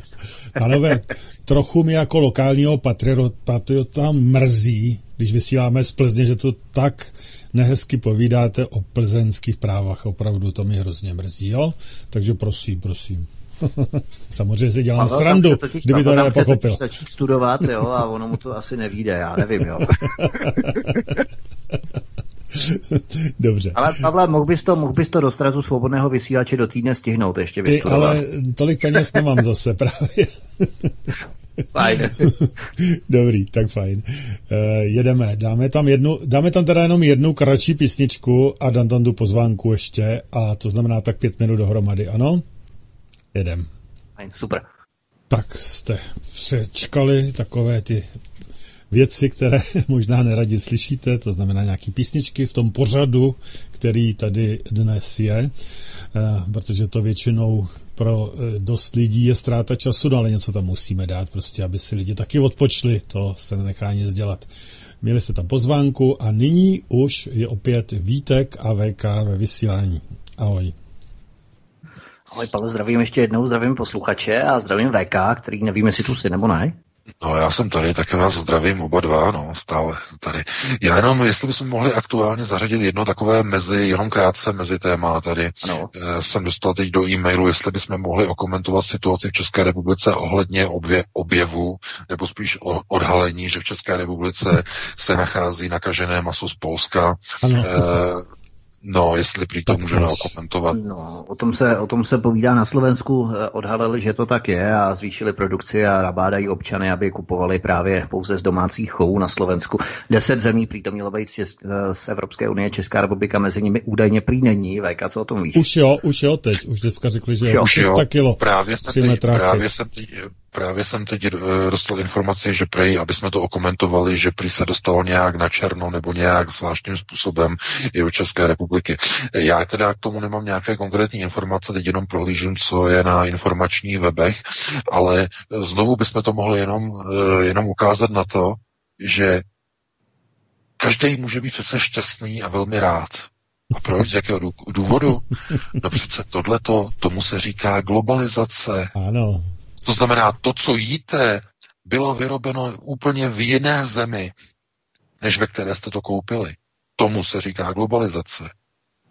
A e, jestliže byly zlikvidovány živočišné výroby počátkem, no, spíš tak do poloviny 90. let, e, takzvaná masná výroba nebo živočišná výroba byla úplně zlikvidována v České republice, v Československu i na Slovensku samozřejmě, s výjimkou tedy chování vepřového masa, to jako, jako ano, ale jinak vlastně bylo všechno zlikvidováno no a všechno vlastně se jede podle ceny, to znamená, čím levněji ten řetězec nakoupí to maso, no tím větší zisk má na jeho prodeji, protože tu slevu nepřenese na vás, jako na zákazníka. Jasně. Ne, on z toho má vývar, větší profit. On nakoupí maso kilo místo, aby ho koupil kilo, já nevím, teď plácnu někde za nějakých 120 korun, no to ne, přeháním, někde za 40 korun koupí velkou obchod z, nějakýho, z nějakých jatek, koupí za 40 kilo, prodá to za 90 tak on nakoupí nějaké skažené maso, které je kafilérní, jehož cena je 0,00 nic. Jenom kvůli tomu, aby ten majitel se toho zbavil, toho kusu nemocného. No a on vám to prodá na akci v obchodě za 75. Ano. No a důchodci, kteří mají hluboko do kapsy, no těm vypadnou oči z důlku, hned běží, hned běží a hned to kupují. Já teď opravdu mě neberte za slovo, protože jak říkám, my už jsme dlouho zase jako nenakupovali takhle jako v Česku, jo, tak nevíme, jaká, jaký tam máte e, ceny hodnoty masa, aby zase někdo neřekl, že, že, že říkám nějaké ceny, které eh, jsou nějak jinak, takže to musíte vidět vy, ale e, zkrátka takhle to přesně funguje v globalizaci, že e, zkrátka co nejlevněji nakoupit někde úplně ve, ve psí, jak se říká, a přivést to a prodat to za tržní cenu, to znamená mít na tom vývar. Mm-hmm. No a z toho masa, to, to znamená vývar doslova, jako když si děláte hovězí vývar, ale, ale přesně tak to je. No, z těch vředů, no. co tam údajně byly, ty, ty abscesy, co tam měli ano. ohromný, oni to tam všechno tak, nechali a prostě všechno to krásně prodali za pěkný peníze. No nádhera, Takže, to je vývar jako, jako vyšitej. Jako, jako já, já, tady prostě jako nechci jako, jako nějak jako národnostně zase nějaké vášně prostě jako vypichovat, ale jako o Polácích je to známý, že prostě jsou schopní prodat úplně všechno komukoliv, cokoliv, za, za, za cokoliv. Jako, ale pozor, já tě, musím, já tě musím přerušit trošičku. No. Vyšla zpráva, že to sice bylo vyrobené v Polsku, ale v německých firmách. To jsou německé firmy, které to tam vyrábí. Ano? Pozor, no, pozor na to. Ale, ale, ale, ty kusy, ty kusy byly chované kde? V Polsku, ne? No to nevím, ale bylo to prostě poraženo v německých firmách, které tam jsou. Aha, aha. No? Já jsem právě včera četl, že se jednalo o e, polské kusy, které pocházejí ano. z polských chovů, jako jo, z polských To chovů. je možný, ale německé firmy no. to porazili a dodali tohleto. No, tak bychom tak mohli, to... Eh, já myslím, že jsme to komentovali, tak bychom mohli k dalšímu tématu, hmm. abychom ještě něco stihli, jo, pánové. Hmm. Hmm. No, máme 31. Jako musíme se pustit, já myslím, že probereme jak tedy neziskový sektor, teda pana, pana Kovyho, ale ještě dříve, já myslím, že to je důležitější probrat vlastně události, které probíhají ve Venezuele, protože to je to klíčové, nebo to, co nejvíc vlastně e-mailů vlastně, vlastně vůbec přichází, takže tohle bychom měli určitě, určitě teď ještě probrat. Mm-hmm. Určitě, Veka, tak možná začni právě tou Venezuelou. Zkus opravdu, kdyby to bylo možné co nejkratším čase, abychom opravdu stihli. Potom je dobré právě probrat ještě paní Jarmilu Lajčákovou, Hargašovou, eh, její prohlášení Madame Eva v ženském časopise a i další věci ohledně právě youtubera, tak máme toho dost. Tak eh, VK, to 11. září jste avizovali, to 11. září jste avizovali taky. No, jistě, ale to, to, už je, to už je, to už je 11. září, bude možná zase 19. potom květem, to zase chystají nějaké věci, asi nějaké bombové útoky. Tam říkali tam, jsem, jsem poslouchal Alexe Jonese, že na 19. května, že jsou tam nějaké zase, zase něco se chystá. Já jsem to ani neměl čas ještě jako kontrolovat, ale to jsou různé datumy. Uh, oni, oni se vždycky vybírají nějaká ta speciální synchronní data, kdy různě prole, proletávají nějaké planety, komety a teď to tom jako roubujou prostě na jednotlivé události, ale o tom já teď nebudu, nebudu mluvit. Já hmm. jenom chci říct, že to, co probíhá momentálně ve Venezuele, tak uh, ukazuje se, že nakonec všechno to, co vlastně probíhá, tak se týká zlata a zlatých rezerv Venezuely. Možná jste zaregistrovali, že v pondělí e, přišla informace, že do Venezuely přiletělo ruské letadlo. Ruský Boeing ruské společnosti Nordwind přistál severně od Caracasu, úplně prázdný a se dvěma posádkami na palubě. Setrval tam dva a půl dne, odletěl zpátky včera a jak přišly informace vlastně od insiderů z, z takzvané venezuelské opozice nebo od bývalého člověka, Venezu, který pracoval v venezuelské národní banky, eh, tak eh, Nicolás Maduro se rozhodl, že prodá nebo respektive přepošle část venezuelských zlatých rezerv do Ruska. A teď se nevědělo, jak, jak, jakou to má vlastně v podstatě smysl nebo jakou to má konotaci. To znamená, za, e, za jakým účelem. No a odpověď jsme dostali de facto dneska, respektive už včera večer, kdy e, ruský server Nové gazeta e, přinesl informaci, že toto zlato, konkrétně se jedná o 20 tun zlata v přepočtu za nějakých 850 milionů dolarů, eh, že byl opravdu na palubě tohoto letadla. No a eh, proč vlastně Nicolás Maduro by dával do ruského letadla venezuelské zlato, aby ho odvezli do Moskvy. No tak eh, původně se očekávalo, nebo myslelo se, že je to nějaká splátka za takzvaný ruský, eh, za ruskou půjčku, kterou ruské velké společnosti, velcí oligarchové především eh, ropné konzorcium okolo Lukoilu poskytlo před několika lety Madurově vládě a e, do této chvíle v podstatě Venezuela splácela tento dluh e, nebo tuto půjčku v naturálích, to znamená v dodávkách venezuelské ropy do Ruska. Nicméně v posledních zhruba pěti, šesti měsících e, došlo k tomu, že Venezuela začala dodávat jenom polovinu těchto ropných splátek do Ruska a e, vlastně v této reakci došlo k tomu, že Rusové jako měli požadovat nějakou kolaterální záruku, nějaký kolaterál, to znamená zlato, za to, že budou nadále poskytovat, řekněme, určité úvěrové krytí pro venezuelskou vládu, výměnou ale za to, že Rusko bude e, mít v zástavě e, venezuelské národní zlato. Nicméně, tohle to všechno se ukazuje jako naprosto Eh, milné nebo milná informace, protože eh, to, co vlastně eh, se událo dneska, tak do toho vnáší úplně jiný obraz.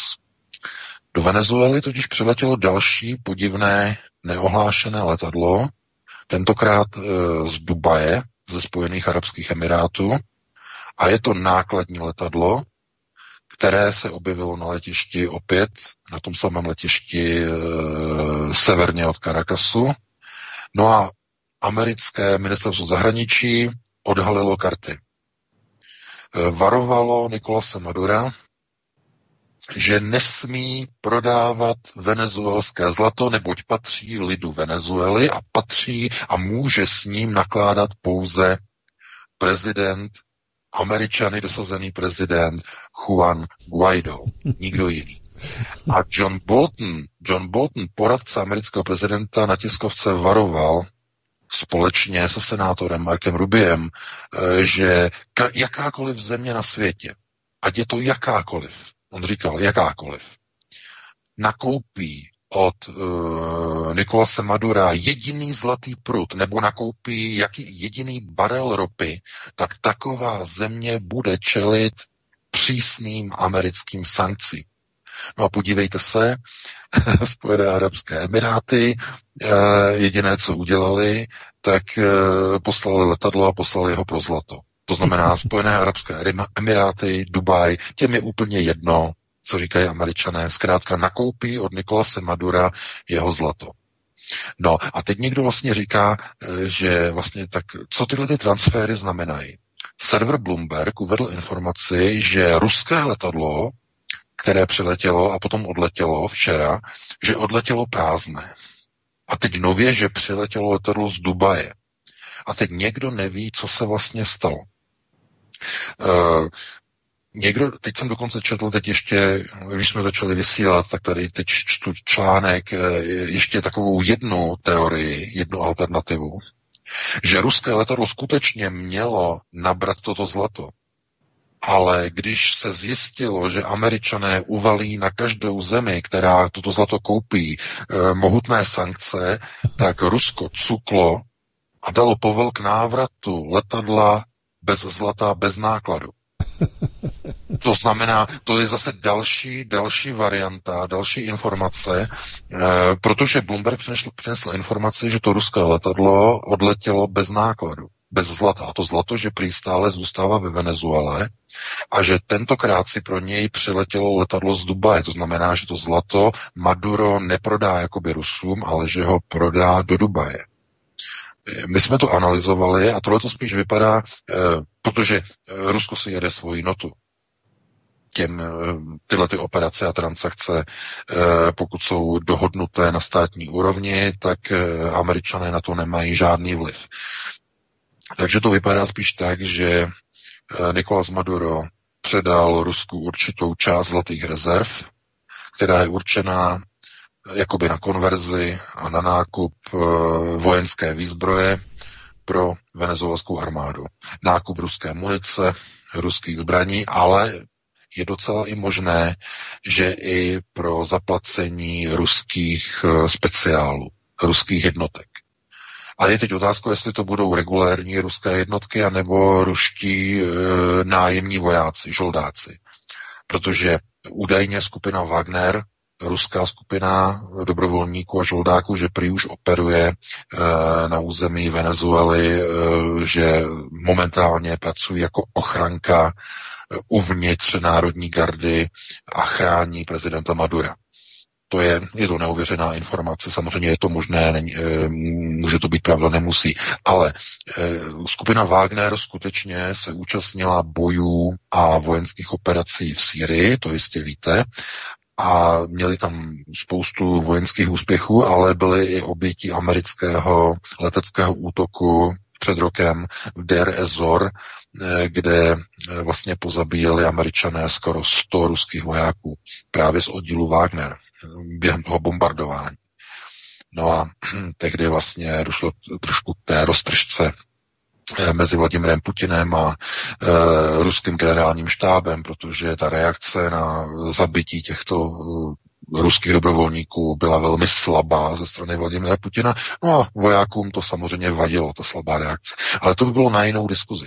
Tady spíš se ukazuje, že e, ty ostré výroky, které vycházejí od Johna Boltona, od Marka Rubia a od takzvaných neokonů ve Spojených státech, tak jediné, co je zajímá, a co je vidět, to si všimněte, tak je disponibilita s venezuelskou ropou a disponibilita s venezuelským zlatem. Je za, nezajímá venezuelský lid, národ, nějaký Guaido, je to vůbec nezajímá. Jediné, na čem oni mají upřené, upíchnuté oči, to je to, kdo momentálně nakládá s venezuelskou ropou a se zlatem. A proto Bolton dneska vydal to tiskové prohlášení s tím, že Spojené státy varují všechny obchodníky, aby nenakupovali zlato a ropu od Madurovy vlády. Oni tam píšou od Madurova režimu. To znamená, jim nejde o nějaký národ. Jim jde o zlato a ropu. A Maduro, když jim před jejíma očima prodává zlato tuhle Rusům, eh, tuhle do Saudské Arábie, teda ne do Saudské Arábie, do eh, Arabských Emirátů, do Dubaje, tuhle tamhle a nakupuje za to zbraně, no tak i ti neokoni vědí, že pokud by se pokusili provést intervenci do Venezuely, takže z té Venezuely, protože se může stát druhý Větnam. Protože proč? Venezuela začíná také na stejné písmeno jako Větnam. Venezuela, Větnam. A Nicolás Maduro na to upozorňoval.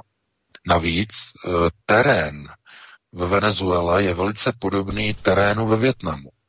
Hodně hornatá oblast, jsou tam lesy, pralesy a takovéhle, e, takovéhle nastavení. Zkrátka ten terén je velice podobný a američané by si opravdu rozmysleli jít do nějaké operace. Ale pokud bude Nicolás Maduro slabý, bude mít slabou armádu, nevyzbrojenou, nebo bude mít eh, sice armádu vyzbrojenou, ale jenom málo mužů, který budou lojální Nikolasi Madorovi, eh, tak mohou u nich převládnout pod, eh, jako pohnutky a pocit, že intervence se vyplatí.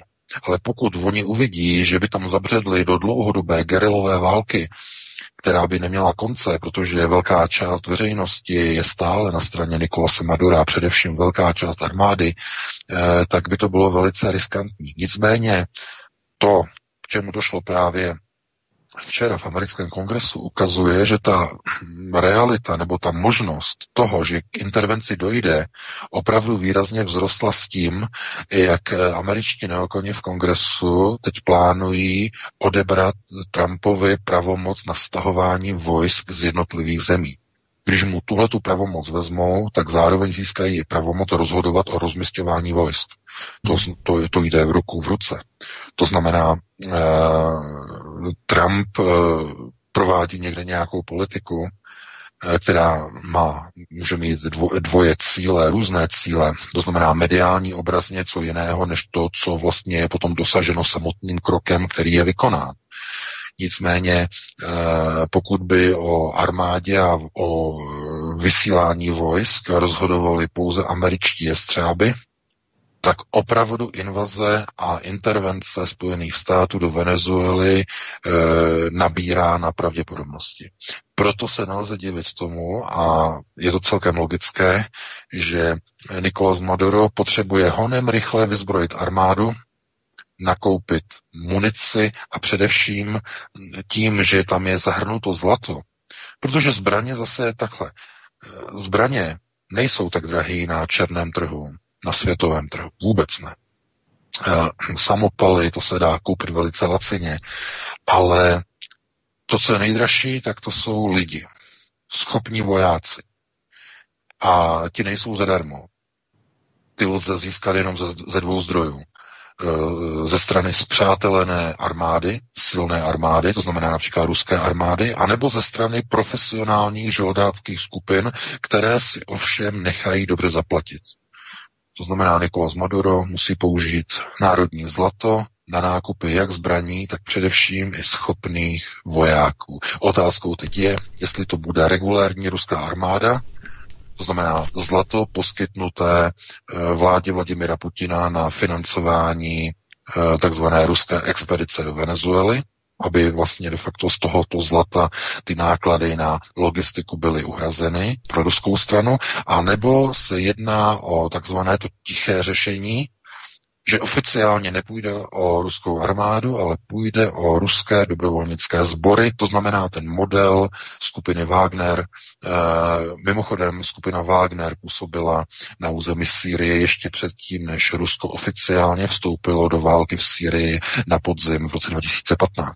Wagnerovci tam fungovali už od roku 2014 od jara to znamená o rok a půl dříve. Eh, to znamená, jaký model bude použitý mm, ve Venezuele i zatím ve hvězdách.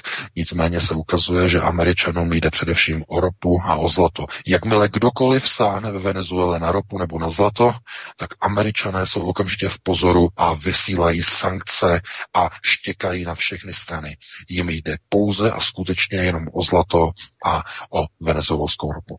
Takže tohle bych ukončil tady to téma a hned bychom se pustili výtku na další další. Můžu tady něco jenom přečíst tady z našeho tisku? No, Pavle, ale my to nestíháme. Moment, jako, moment, to je hrozně zajímavý. Rozhodnutí britské centrální banky přišlo poté, co americký ministr Mike Pompeo a bezpečnostní poradce prezidenta Trumpa, John Bolton, lobovali u svých britských protěžků za to, aby jim pomohli odstřihnout venezuelský režim od jeho zahraničního majetku řekl jeden z jejich nejmenovaných zdrojů. Tady vidíte skutečně, jak přesně jak říká pan VK, že oni prostě si dělají, co chtí. Jak je možné, že nějaký američaní velí britské bance?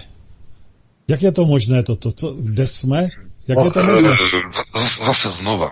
Znova. No. Britská banka, to je Bank of England. No, přesně. To, jsou, to, jsou, to, jsou, to jsou banky sionistů. A to, že tak. američané něco říkají uh, britské straně, uh, oni pouze tlumočí. Je takhle. To Aha, říkají rozumím. na pokyn amerických sionistů nebo amerického, můžeme tomu říkat Doom Sion, jak to nazvete, to znamená na pokyn, eh, řekněme, sionistického systému řízení.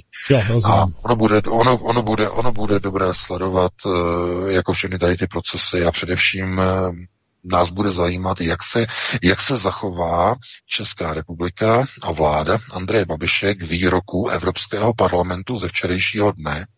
Evropský parlament vyzval, aby všechny členské země EU uznali Juana Guaida jako legitimního prezidenta Venezuely. To znamená, no. aby facto poslali Nikolase Madura, demokraticky zvoleného prezidenta, někam prostě do háje. Mm-hmm. No a tohle to je, protože na tom se ukáže to, kdo koho v české politice má pod palcem. Mm-hmm. Signály přicházejí takové, že Pražský hrad se postaví proti, ale Strakova akademie bude pro. Mm-hmm. A to, že je okolo toho zatím takové našlapování, eh, tak je jenom důkazem toho, že oni, oni do toho nechtějí jako jít, protože ono to vyšle velmi nebezpečné signály směrem k Pražskému hradu a velmi nebezpečný precedens k Miloši Zemanovi. Jestliže američané nebo jakákoliv mocná země na světě se může uh, jménem svého viceprezidenta postavit uh, do té pozice, že řekne, my uznáváme v té a té zemi, tam na druhé straně světa, za prezidenta osobu, která nebyla nikdy zvolena prezidentem a pro nás je to ten prezident. A my přikazujeme všem našim partnerům v NATO, v EU, všem, které kontrolujeme, že musí spolu s námi tu osobu a to, to individuum uznat za prezidenta. Protože to my to říkáme. To je šílený. Je to šílený. No ano, Pavle, je to šílený, ale přesně takhle teď se zachovala Evropská unie včera, hmm. Evropský parlament. To je ten průser neskutečný. Tohle to oni můžou udělat k jak, ve vztahu k jakékoliv zemi v budoucnu. Mm-hmm. Někde zvolí někdo, uh, podívej se, zvolí Viktora Orbána v dalších volbách a oni to zopakují vůči němu. Mm-hmm. Stačí, když do budapeštských ulic vyjde spousta sluníčkářů a řeknou, bylo to nelegální nebo neregulární, on je despota, my ho neuznáváme a tohle to se stane a oni vyzvou, aby byl dosazen nějaký, nějaký ten, kdo nevyhrál, kdo skončil, já nevím, z 20% pozadu a oni řeknou, že to bylo zmanipulované a aby on byl zvolen. Hmm. Nebo dokonce i ve vztahu k nějakému politikovi, třeba i v České republice.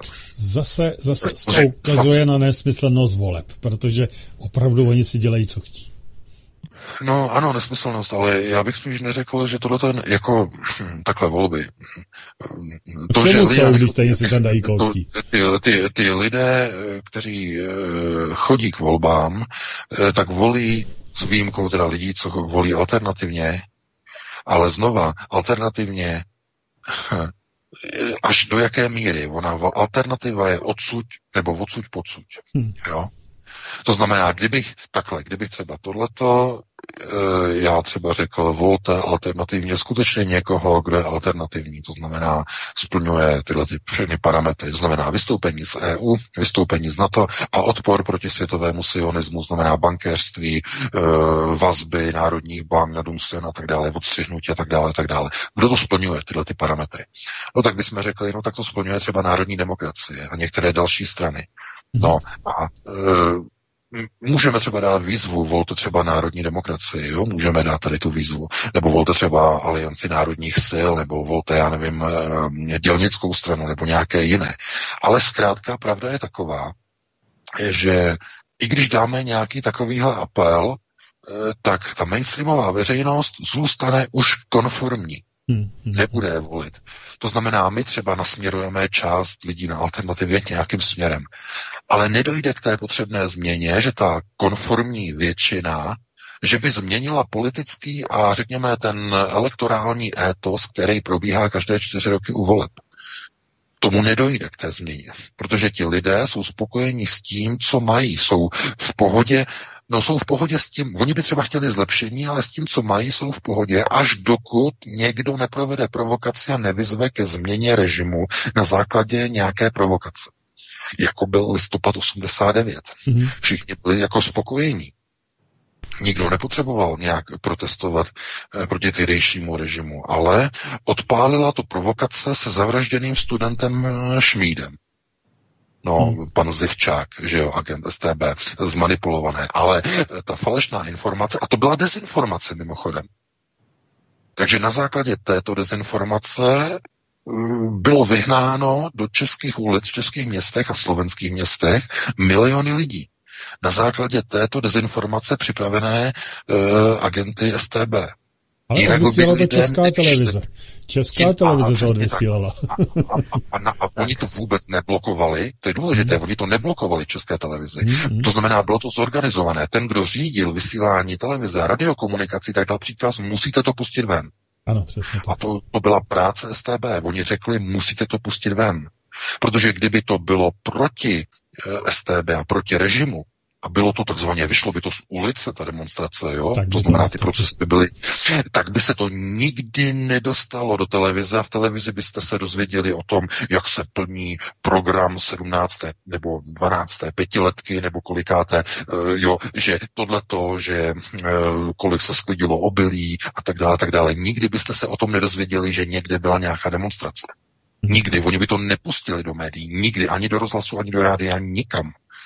I kdyby tam vybouchly bomby, tak by se to, to nikdo nedozvěděl. Hmm.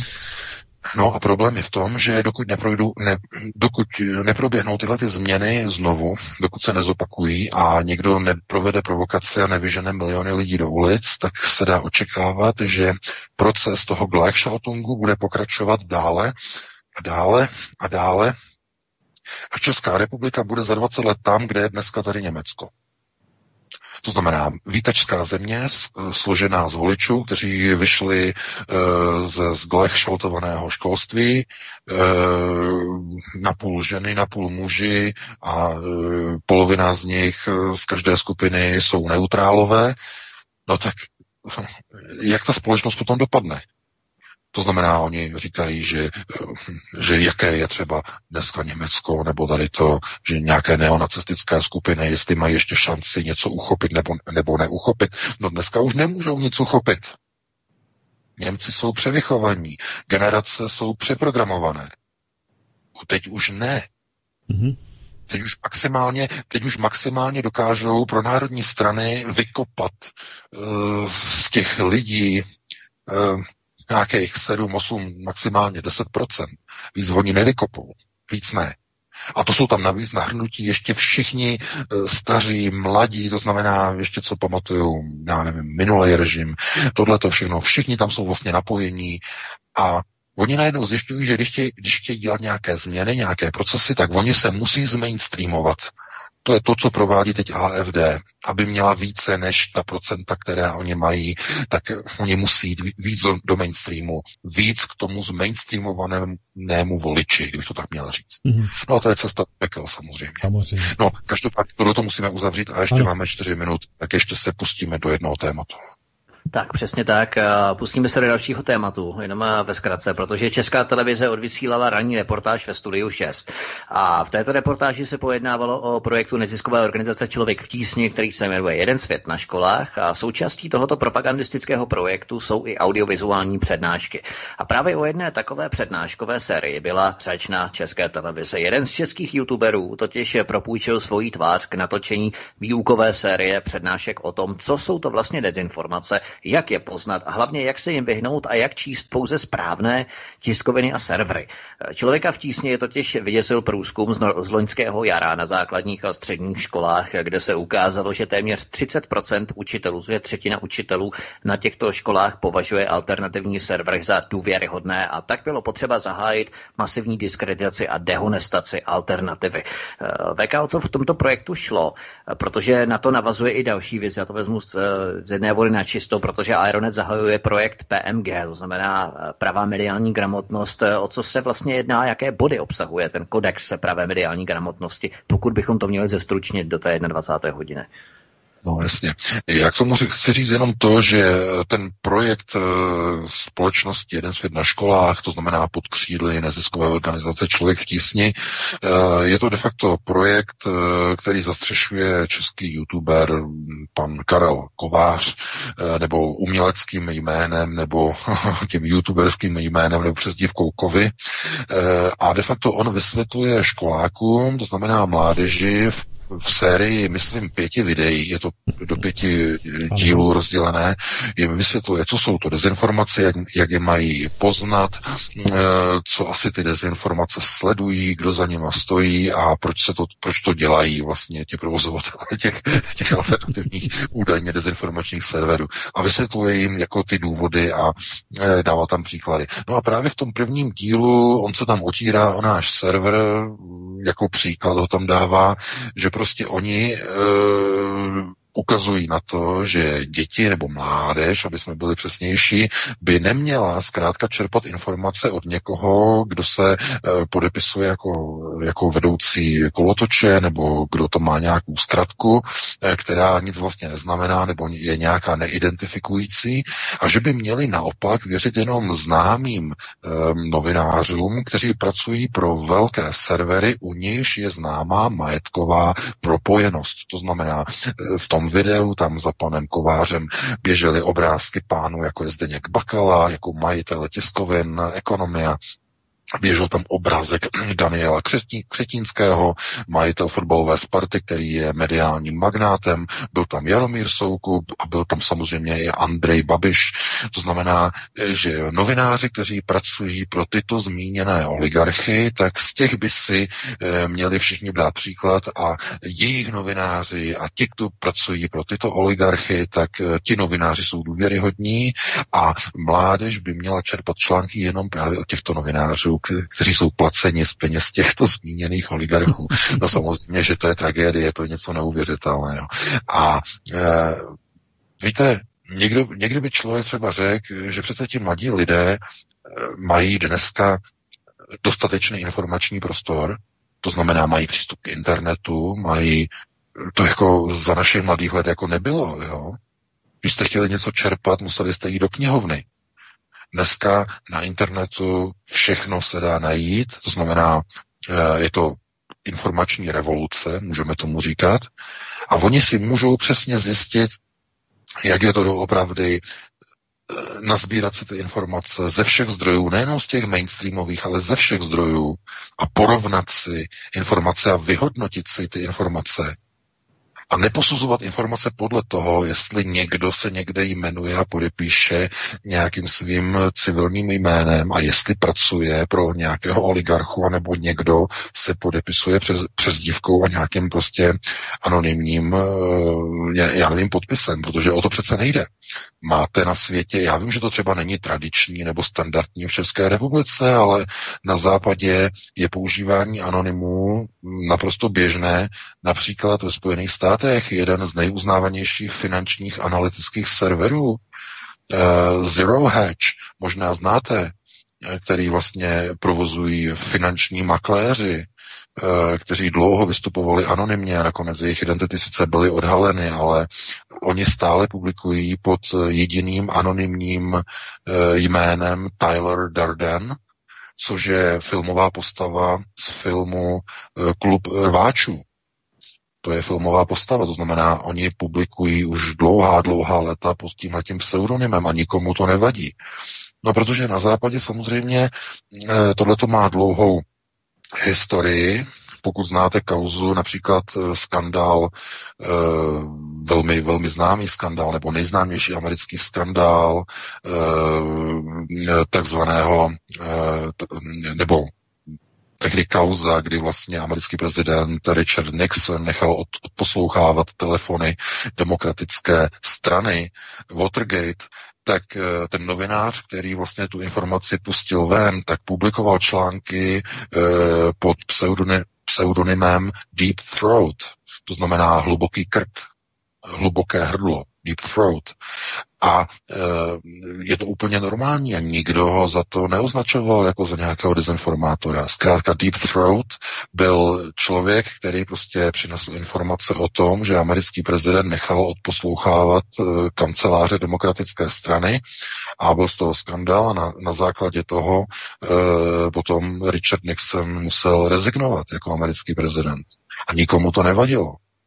A já se divím, že tady ty informace nezazní eh, v pořadech nebo v těch naučných videích člověka v tísni, že pan Kovy si to nezjistí, jaké významné osobnosti používali pro odhalení svých informací anonymní přezdívky. Hmm. To znamená, já bych očekával, že když někdo mluví a začne se navážet do někoho, kdo publikuje pod anonymem, No takže by se podíval i na druhou stranu barikády a řekl by, no jo, skandál Watergate byl odhalený novinářem, který vystupoval anonymně pod pseudonymem. No jo, Zero Hedge také vystupuje pod pseudonymem a tak dále a tak dále. Takže to není jenom tak, že někdo vystupuje, nebo herci, zpěváci vystupují před, pod pseudonymy. Lucie Bílá slavná herečka, no to je také pseudonym. Její jméno je paní, je Hana Zaňáková.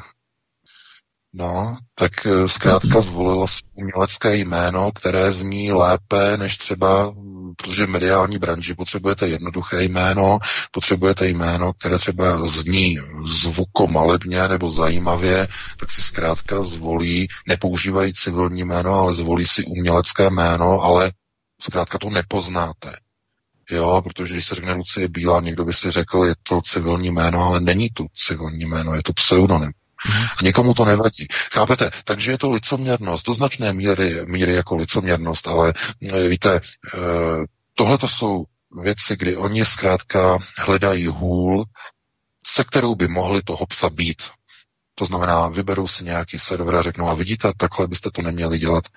Já si myslím, že i e, doporučení toho, aby lidé čerpali informace z takového zdroje, který, o, který vlastně odkazuje na informace například velkých e, agentur tiskových, jako jsou AP, AFP a Reuters, e, že to také je naprosto šílená rada od pana youtubera Kovyho, protože to je právě ten příklad toho, jak by nemělo nikdy zpravodajství vypadat, protože když se podíváte na tzv. outlety těchto těch zmíněných zpravodajských agentur, tak tam nejsou podepsáni autoři a novináři, kteří tyto informace přináší. E, tyto tiskové agentury tam vždycky uvádí jenom svoji zkratku. To znamená, máte text, někde něco se stalo, toto a toto a toto, a pod tím zdroj AFP.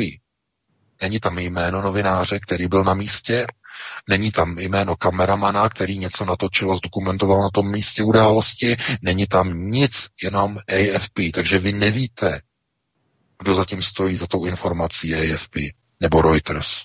Nevíte. Takže eh, problém je v tom, že eh, člověk v tísni eh, používá tato videa k tomu, aby ovlivňoval školství. No a to je nebezpečný nástroj. Protože ve školství mají názory dětí ovlivňovat pouze učitele na základě schválených e, výukových plánů. A nikoli v neziskový sektor, který je napojený na zahraniční fondy a tajné služby. Je několik důkazů o tom, o propojení člověka v tísni na americkou organizaci USAID, se kterou e, člověk v tísni v Africe a na Blízkém východě spolupracuje velmi často z USAID. No a USAID je, eh, je, je americká federální vládní uh, humanitární organizace, která je používána jako humanitární krytí pro operace americké zpravodajské služby CIA. A proto USAID je v Rusku na listině tzv. západních operátorů tajných služeb. V mnoha zemích má zakázanou činnost. No a je podezření, že USAID a operativce CIA mají takzvaně kontaktované lidi uvnitř českých neziskových společností, včetně té největší, jako je člověk v. Znamená, to podezření je tam velmi vysoké.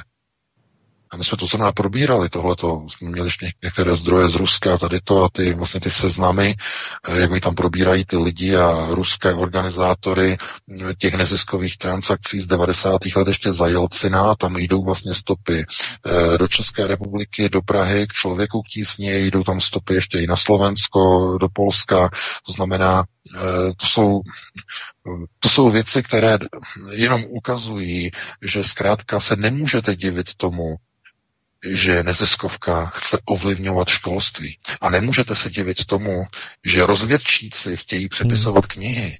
Chápete? No ale proč oni to můžou dělat? No protože nikdo jim to nezakáže. Nejsou kádry, politické kádry, které by udělali pořádky. Když někdo přijde do politiky, že by začal dělat politiku ve prospěch národa, ve, ve prospěch lidu, že by vypráskal všechny rozvědčíky, to znamená, že by snížil stavy eh, na eh, některých ambasádách, které využívají Českou republiku k různému uvlivňování politického sektoru, ale i neziskového sektoru, že by zakázal eh, přijímání peněz pro neziskové organizace od zahraničních subjektů, od zahraničních fondů. No, jako je to v Rusku, to znamená, bylo by to zakázáno. Jako stejně jako ve Spojených státech, ani tam nemůžou neziskovky přijímat peníze z zahraničí. no, a to mají zákon. Takže tam oni to nedovolí, američané, ve Spojených státech, ale v jiných zemích jo. To znamená, to je de facto legalizovaná korupce. To znamená to, že uh, oni posílají a posunou peníze. Tady nám přijede udělat přednášku nějaký pán někde z Afghánistánu a my mu dáme peníze, aby tam ovlivňoval procesy a z Pákistánu a z České republiky a z jiných rozvojových republik a tak dále a tak dále. To znamená, to je legalizovaná korupce. No ale, chápete, eh, když ta konformní majorita u těch voleb rozhodne, jak rozhodne a volí tak, jak volí, tak já říkám, pán s námi a zlé pryč. No, nic tomu víc říct asi nemůžu. Stejně přetahujeme, máme 9 minut po 9. hodině. Asi si dáme teda přestávku, jednu písničku, nějakou pětiminutovou a potom bychom se hned asi pustili do telefonických dotazů. Ano, dáme si pauzičku. Já jenom s dovolením tady něco přečtu, protože jsem si tady během toho otevřel archivní záznam Mladé fronty, jak eh, VK říkal, že za tím youtuberem chodili právě ti oligarchové, jako je Křetínský, Bakala, Babiš a Soukup a tak dále, tak eh, konkrétně třeba eh, Mladá fronta dnes, sobota 15. září 2018, datum přímo vydání, myslím, že to bylo sobotní vydání, ale to každý den, jo. A teď dobře poslouchejte, až tu zase někdo začne křápat o nějakých anonymech. Hranice pro vstup do sněmovny se nesníží. Hamáček chce zrychlit vykázání cizinců s flastrem. Oba články, autor KOP, KOP. Dále, po osmi stoletích má královna Judita tvář. Autor ROF, ROF. Žádné jméno.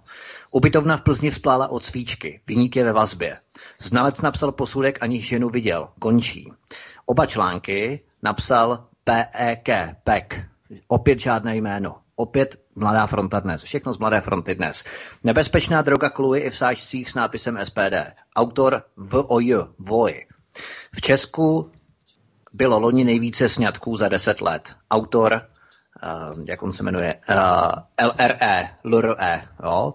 Akční jízdné bude platit na jeden spoj. Autor CFR, CFR a tak dále a tak dále. To znamená i ve slohutných denících vážení polovina minimálně 50% článků je psána anonymy s dvou nebo tří písmeným jménem, pseudonymem a tak dále a tak dále. Takže opravdu tady by bylo dobré, aby si, když někdo začne křápat to zase o nějakých anonymech, tak i normální standardní agentury, normální standardní deníky píší 50% agentury úplně 100% pod anonymy anebo pseudonymy. Tak zapišme si to do hlavy, až zase tu někdo začne křápat o anonym, protože mě už to začíná ale skutečně na nervy, jo, tohleto, protože to je taková metoda, nebo řekněme e, taktika úplně, úplně jako mimo, jo? takže to je jenom tak je, Tam je to, u těch mainstreamových tady ty zkratky, oni jsou databázované, to znamená, oni tam mají zkratku třeba ke, já třeba vím, že na iDnesu zkrátka KOP znamená Kopecký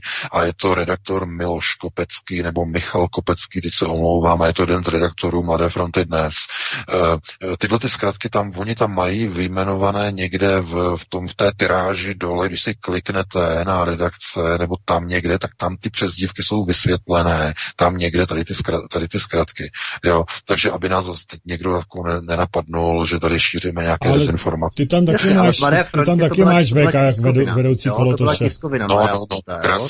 Jasně, jasně, ale takhle, oni to myslí jinak, oni to myslí trochu jinak, oni to myslí tím, že ta zkratka nevede k nějakému civilnímu jménu. Jim totiž vadí, že já jsem si zvolil tuhletu uh, velmi uh, vtipně ironickou prostě přezdívku jako vedoucí kolotoče. Ještě s paroubkem uh, v to, že? No, ještě s paroubkem.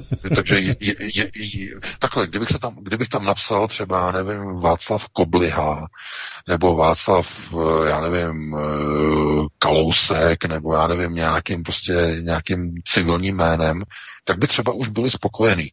Jo, nebo já nevím, nějaké jiné jméno, civilní jméno, tak by byli spokojení. A potom by pátrali, jaké to civilní jméno je a kde bydlí a tohleto a e, jaké má, nevím, jaké ponožky nosí nebo co a tak dále a tak dále. Jenže to je znova ten problém a znovu se k tomu vracíme. Jestliže někdo přináší informace, které mnohé z nich pocházejí z nějakých určitých zdrojů, které musí zůstat utajené, tak ty zdroje nechtějí, aby byly publikovány někým, kdo je oficiálně znám. I ty informace, které já dostávám, tak jenom díky tomu, že oni ví, že publikuji anonymně, jinak, bych, jinak by mi ty informace neposkytly. To je takzvaný, takzvaný systém dvojitého krytí nebo dvojité důvěry. My víme, že ty jsi anonymní, proto ti dáme tu informaci. Kdyby si publikoval otevřeně, tak ti ji nedáme. To je ten hlavní důvod. A e, víte, i třeba v té kauze Watergate nebo i jiné servery z finančního sektoru, například na Zero Hedge, oni dávají informace, které jsou v předstihu několika hodin, co se stane na burzách. To jsou vnitřní interní informace. Oni by jinak z toho měli problémy, že publikují, to je to takzvané eh, porušení v obchodním styku, porušení zákonů v obchodním styku, to znamená vynášení informací z burz e, před uzávěrkou a tak dále a tak dále. Proto publikují anonymně pod přezdívkami Tyler Durden. No, takže to má svůj, svoji logiku, svůj důvod. Nicméně na tady těch videích člověka v tísně to vysvětlováno jako nějaká bizarnost, ehm, kdy člověk, který je někde na konci, tak se nemůže dozvědět, jaké eh, ponožky prostě nosí vedoucí kolotoče, co vydává články na Aeronetu. Je to jakoby eh, vtipně zlehčené, jako, že to, jako je to všechno odlehčené, ale to, o čem my píšeme, rozhodně odlehčené není. A o tom svědčí ty neustále útoky proti našemu serveru. Kdybychom psali odlehčeně, tak by se nikdo o nás neutíral, nikdo by nás necitoval, nikdo by se o nás nezajímal, nikdo by si o nás ani neotřel, neopřel kolo a neotřel svá ústa. No ale vzhledem k tomu, že to je přesně obráceně, tak to znamená, že přinášíme sakra zásadní informace, protože jinak bychom nikoho takto nerozčilovali. Nikomu bychom nelezli do zelí. Všichni by byli takzvaně knedlíkově, mainstreamově spokojení. A to, že nejsou, tak to znamená, že naši práci asi zřejmě děláme správně. Takže já bych tady tím asi uzavřel, opravdu přetahujeme, dáme si jednu přestávku s jednou písničkou pětiminutovou a pustili bychom se hned eh, potom do dalšího povídání s posluchači. Jdeme na to, pánové, jdeme na to. Studio Plzeň. Zavolejte k nám na telefonní číslo 608 12 14 19. Nebo nám zavolejte na Skype svcs pobočka vysílání.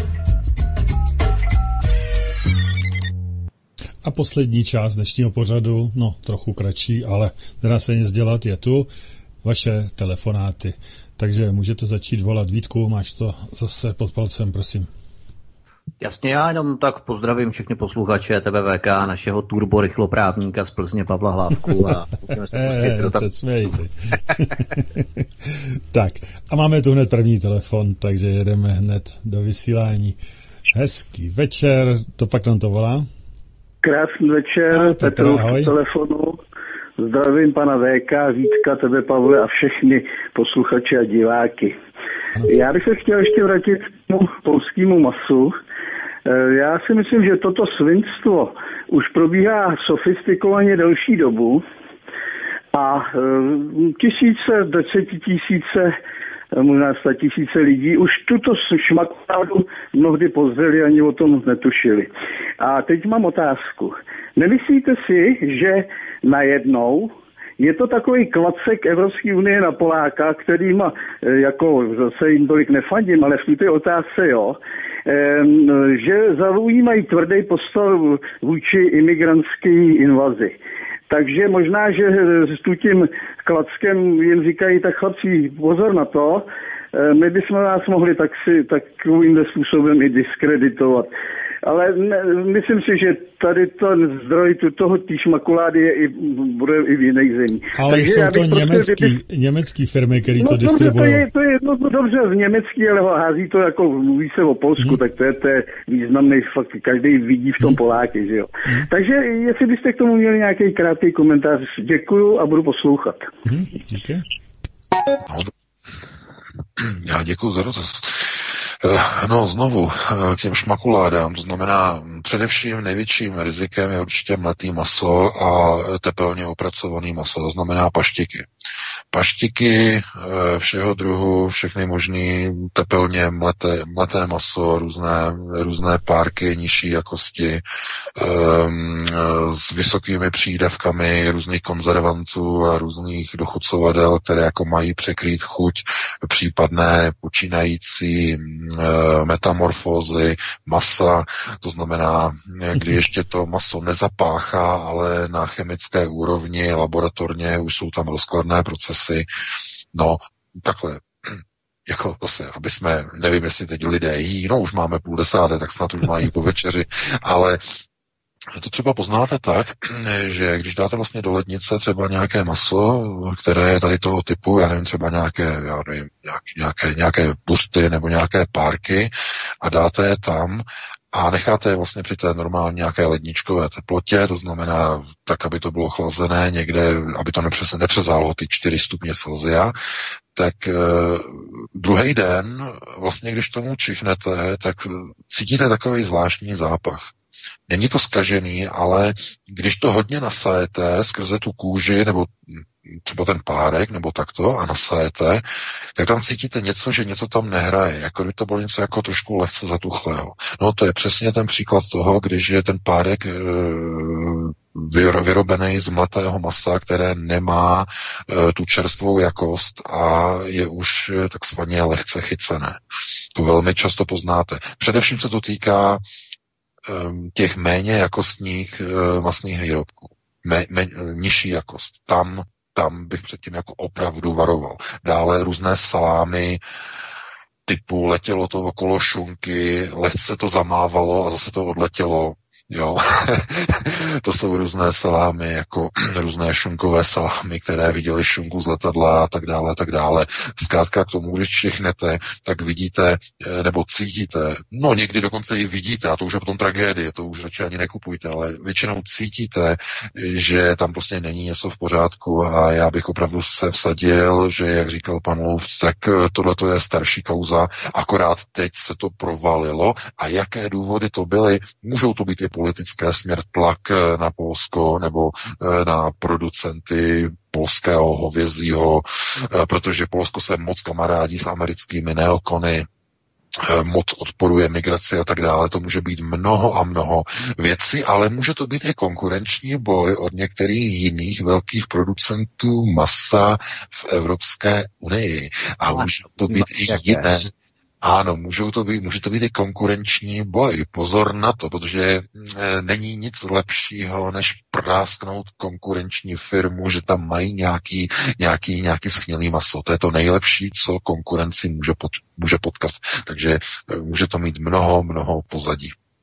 Já jenom eh, VK tady poukázal na skutečnost, že je půl desáté a už eh, většina lidí z nás jsme po večeři, tak eh, jenom připomeňme, že nás poslouchají lidé právě z druhé strany Atlantiku, třeba z Venezuely, naši přátelé, nebo i ze Spojených států, takže že třeba je počívají. No, no, jasně, no, samozřejmě. Tam ještě tolik hodin není. Dobře, máme tu další telefon, takže hned vezmu do vysílání paní Lenku. Prosím. Dobrý večer. Já jenom jsem si teď vzpomněla, že eh, před pár lety byla aféra, taky jsem tahali něco z Polska a bylo to taky právě zkažený a díky tomu uh, právě to bylo, že Poláci jsou schopní v rámci toho, aby to prodali našim řetězcům, protože naše řetězce se schání dodavatele s nejnižší cenou a Poláci jsou schopni prostě jako dodat uh, podle přání cokoliv, jo. Takže o, to není teď to s tím masem poprvé, co uh, se přihodilo z Polska. Ale já jsem se chtěla zeptat, pan Pěkin říkal 21.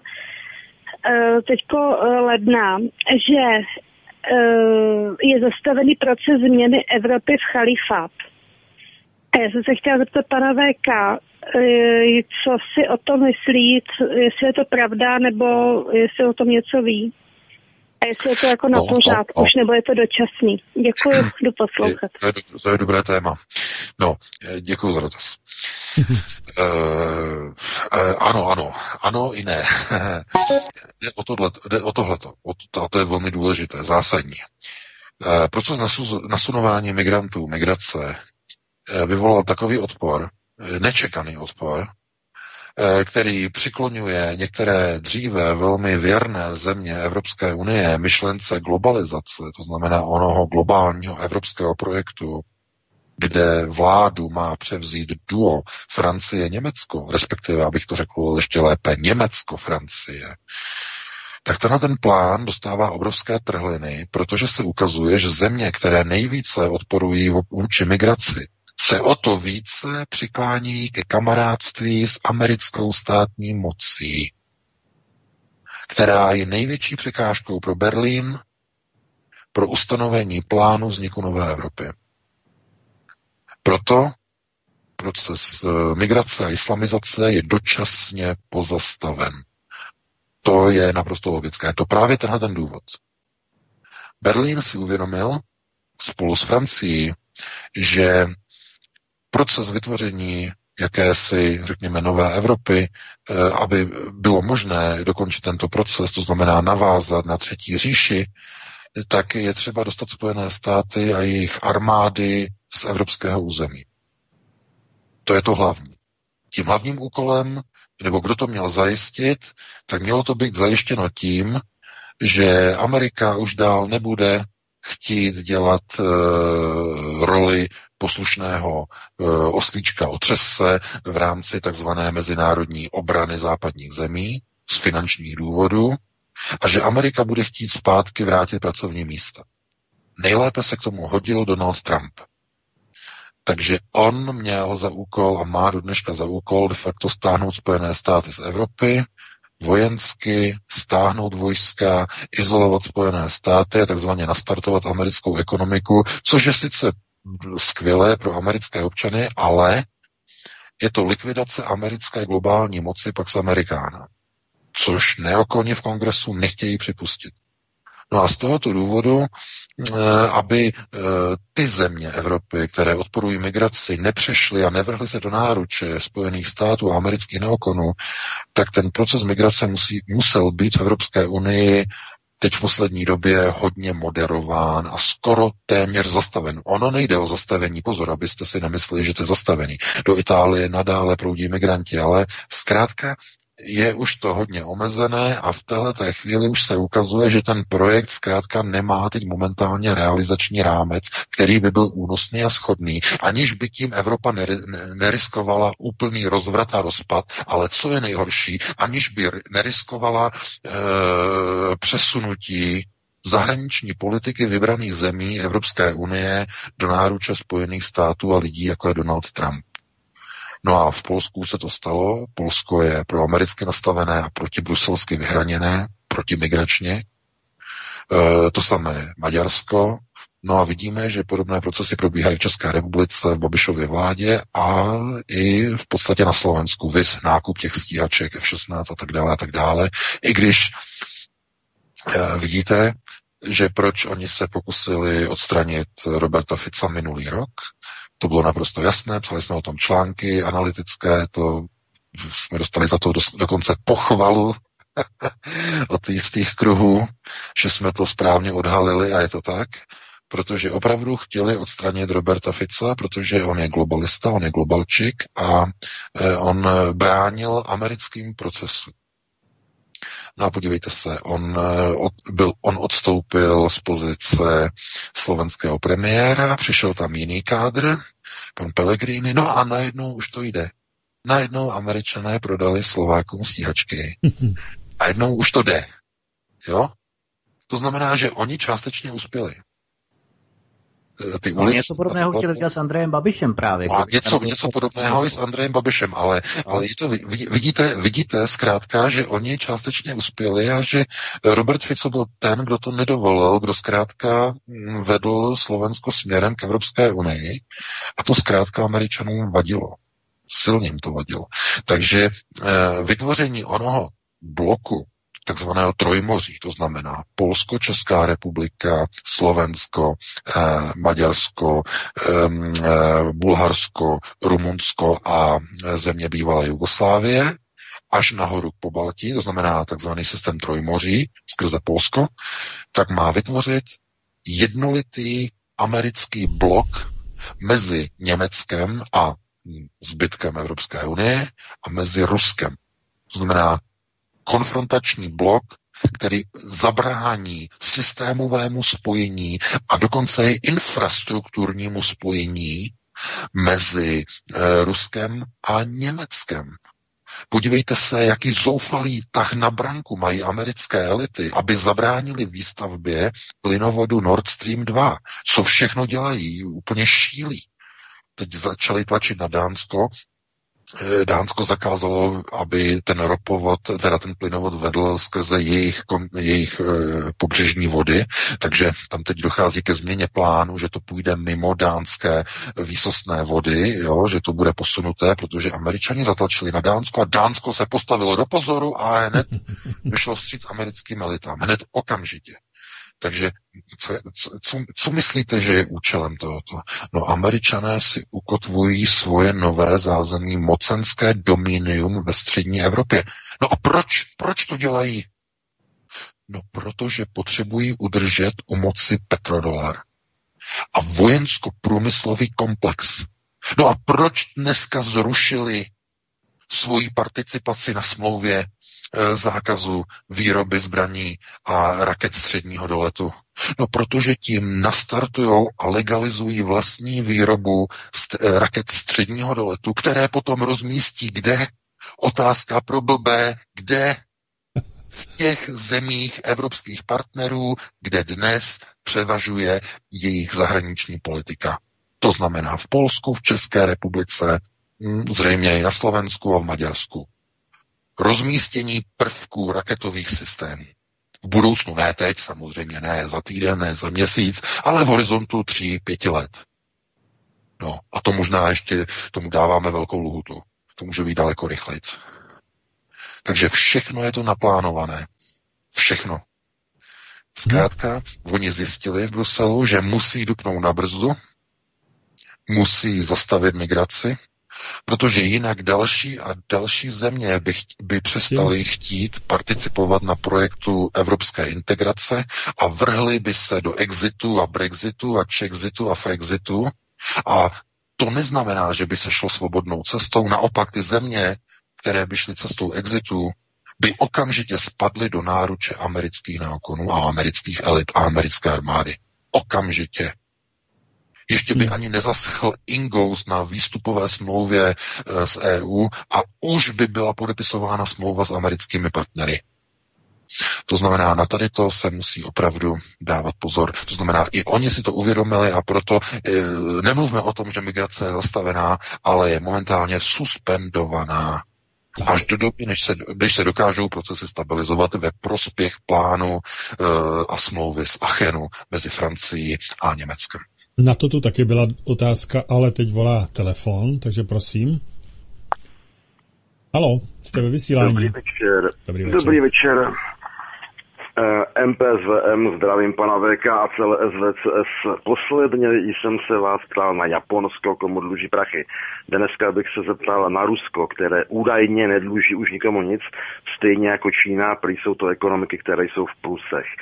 A právě ohledně toho Ruska mě zajímá, Čína se prý teďka velice úspěšně rozmáhá uvnitř Ruska. Rusko vojenské ani politické ani ekonomicky zvenku nikdy nikdo neporazil a teď se víceméně asi úspěšně o to pokouší Čína a taky, taky muslimové, že no, tak uh, myslíte si, že Rusko tenhle ten tlak zevnitř ustojí, anebo že skončí? A ještě bych měl otázku. Pomůže Rusko vojensky přímo Venezuele, pokud je Spojené státy přímo napadnou? Díky za odpovědi, na schole. Díky, taky na skle. No, to je dobrý dotaz. E, no to je vždycky několik dotazů, potom to polovinu zapomeneme. Já začnu od konce. Vítek se pamatuje hodně. Pokud by, pokud by Spojené státy napadly Venezuelu, tak, nebo hm, napadly, no, to by nebylo okaté napadení typu teď jdeme útočit, ono by to, ono by to byla takzvaně internacionální pomoc k záchraně demokracie a svobody. Mm. Jo, takhle by to bylo definováno. A mm, já si myslím, že pokud by ty akce byly provedeny jako pod záštitou americké armády, tak um, Rusko by zřejmě poskytlo nějakou pomoc um, venezuelské vládě Nikolase Madura, která by byla technického a neoficiálně vojenského charakteru. To znamená prodej zbraní, prodej munice a e, povolení k nákupu ruských e, soukromých vojenských speciálů, to znamená ruských žoldáků.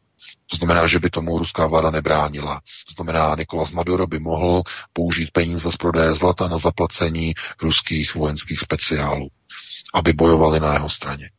Ale v případě Venezuely, pokud by, pokud by tam oficiálně stoupila americká armáda, myslím si, že Rusko by tam oficiálně, oficiální a regulérní eh, svoji armádu neposlalo. Eh, neříkám, že to vyloučené, samozřejmě to stát se může úplně všechno.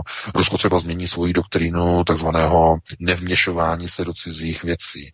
To znamená, oni by tam přišli jenom v případě, že by dostali pozvání od Nikolase Madura, ale ještě dříve než by došlo k vojenské konfrontaci uh, se Spojenými státy, protože potom by to hrozilo přerůst do válku mezi Spojenými státy a Ruskem.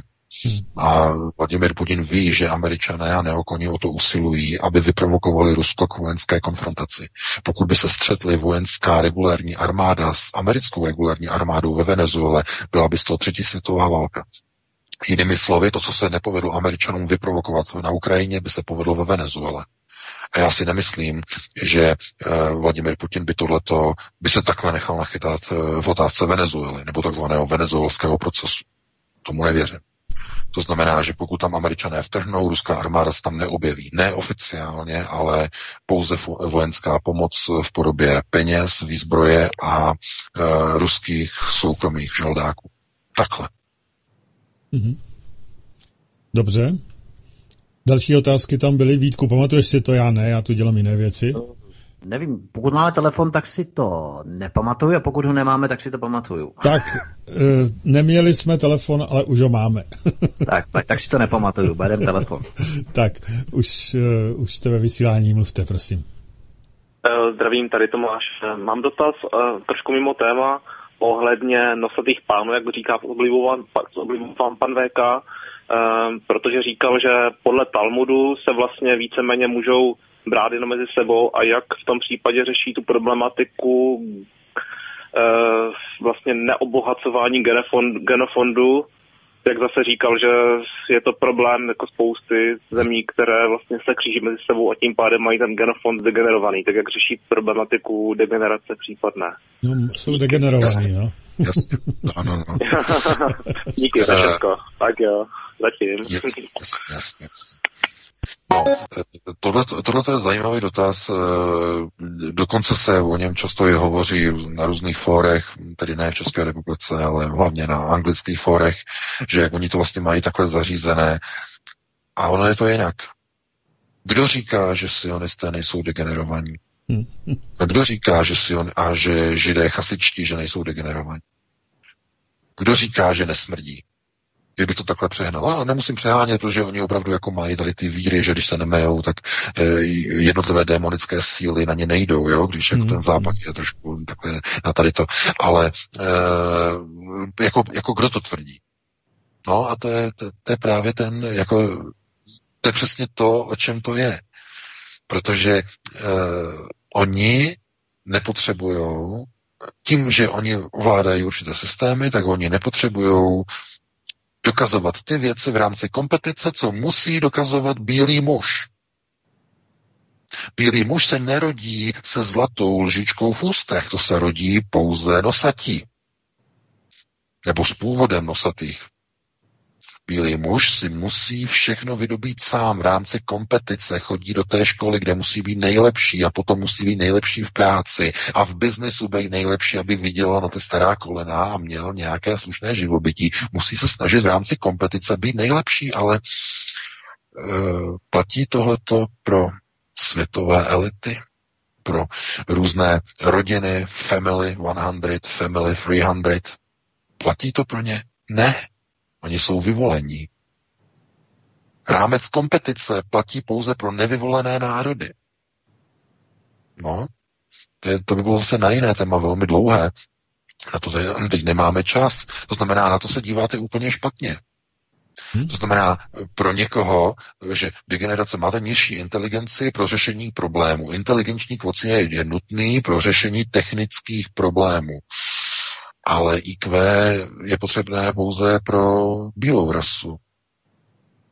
Protože eh, oni vědí, nosati, že mnohem důležitější je EQ, nebo EQ, to znamená empatický kvocient. Vědět, jak působit na lidi, aby udělali to, co chcete.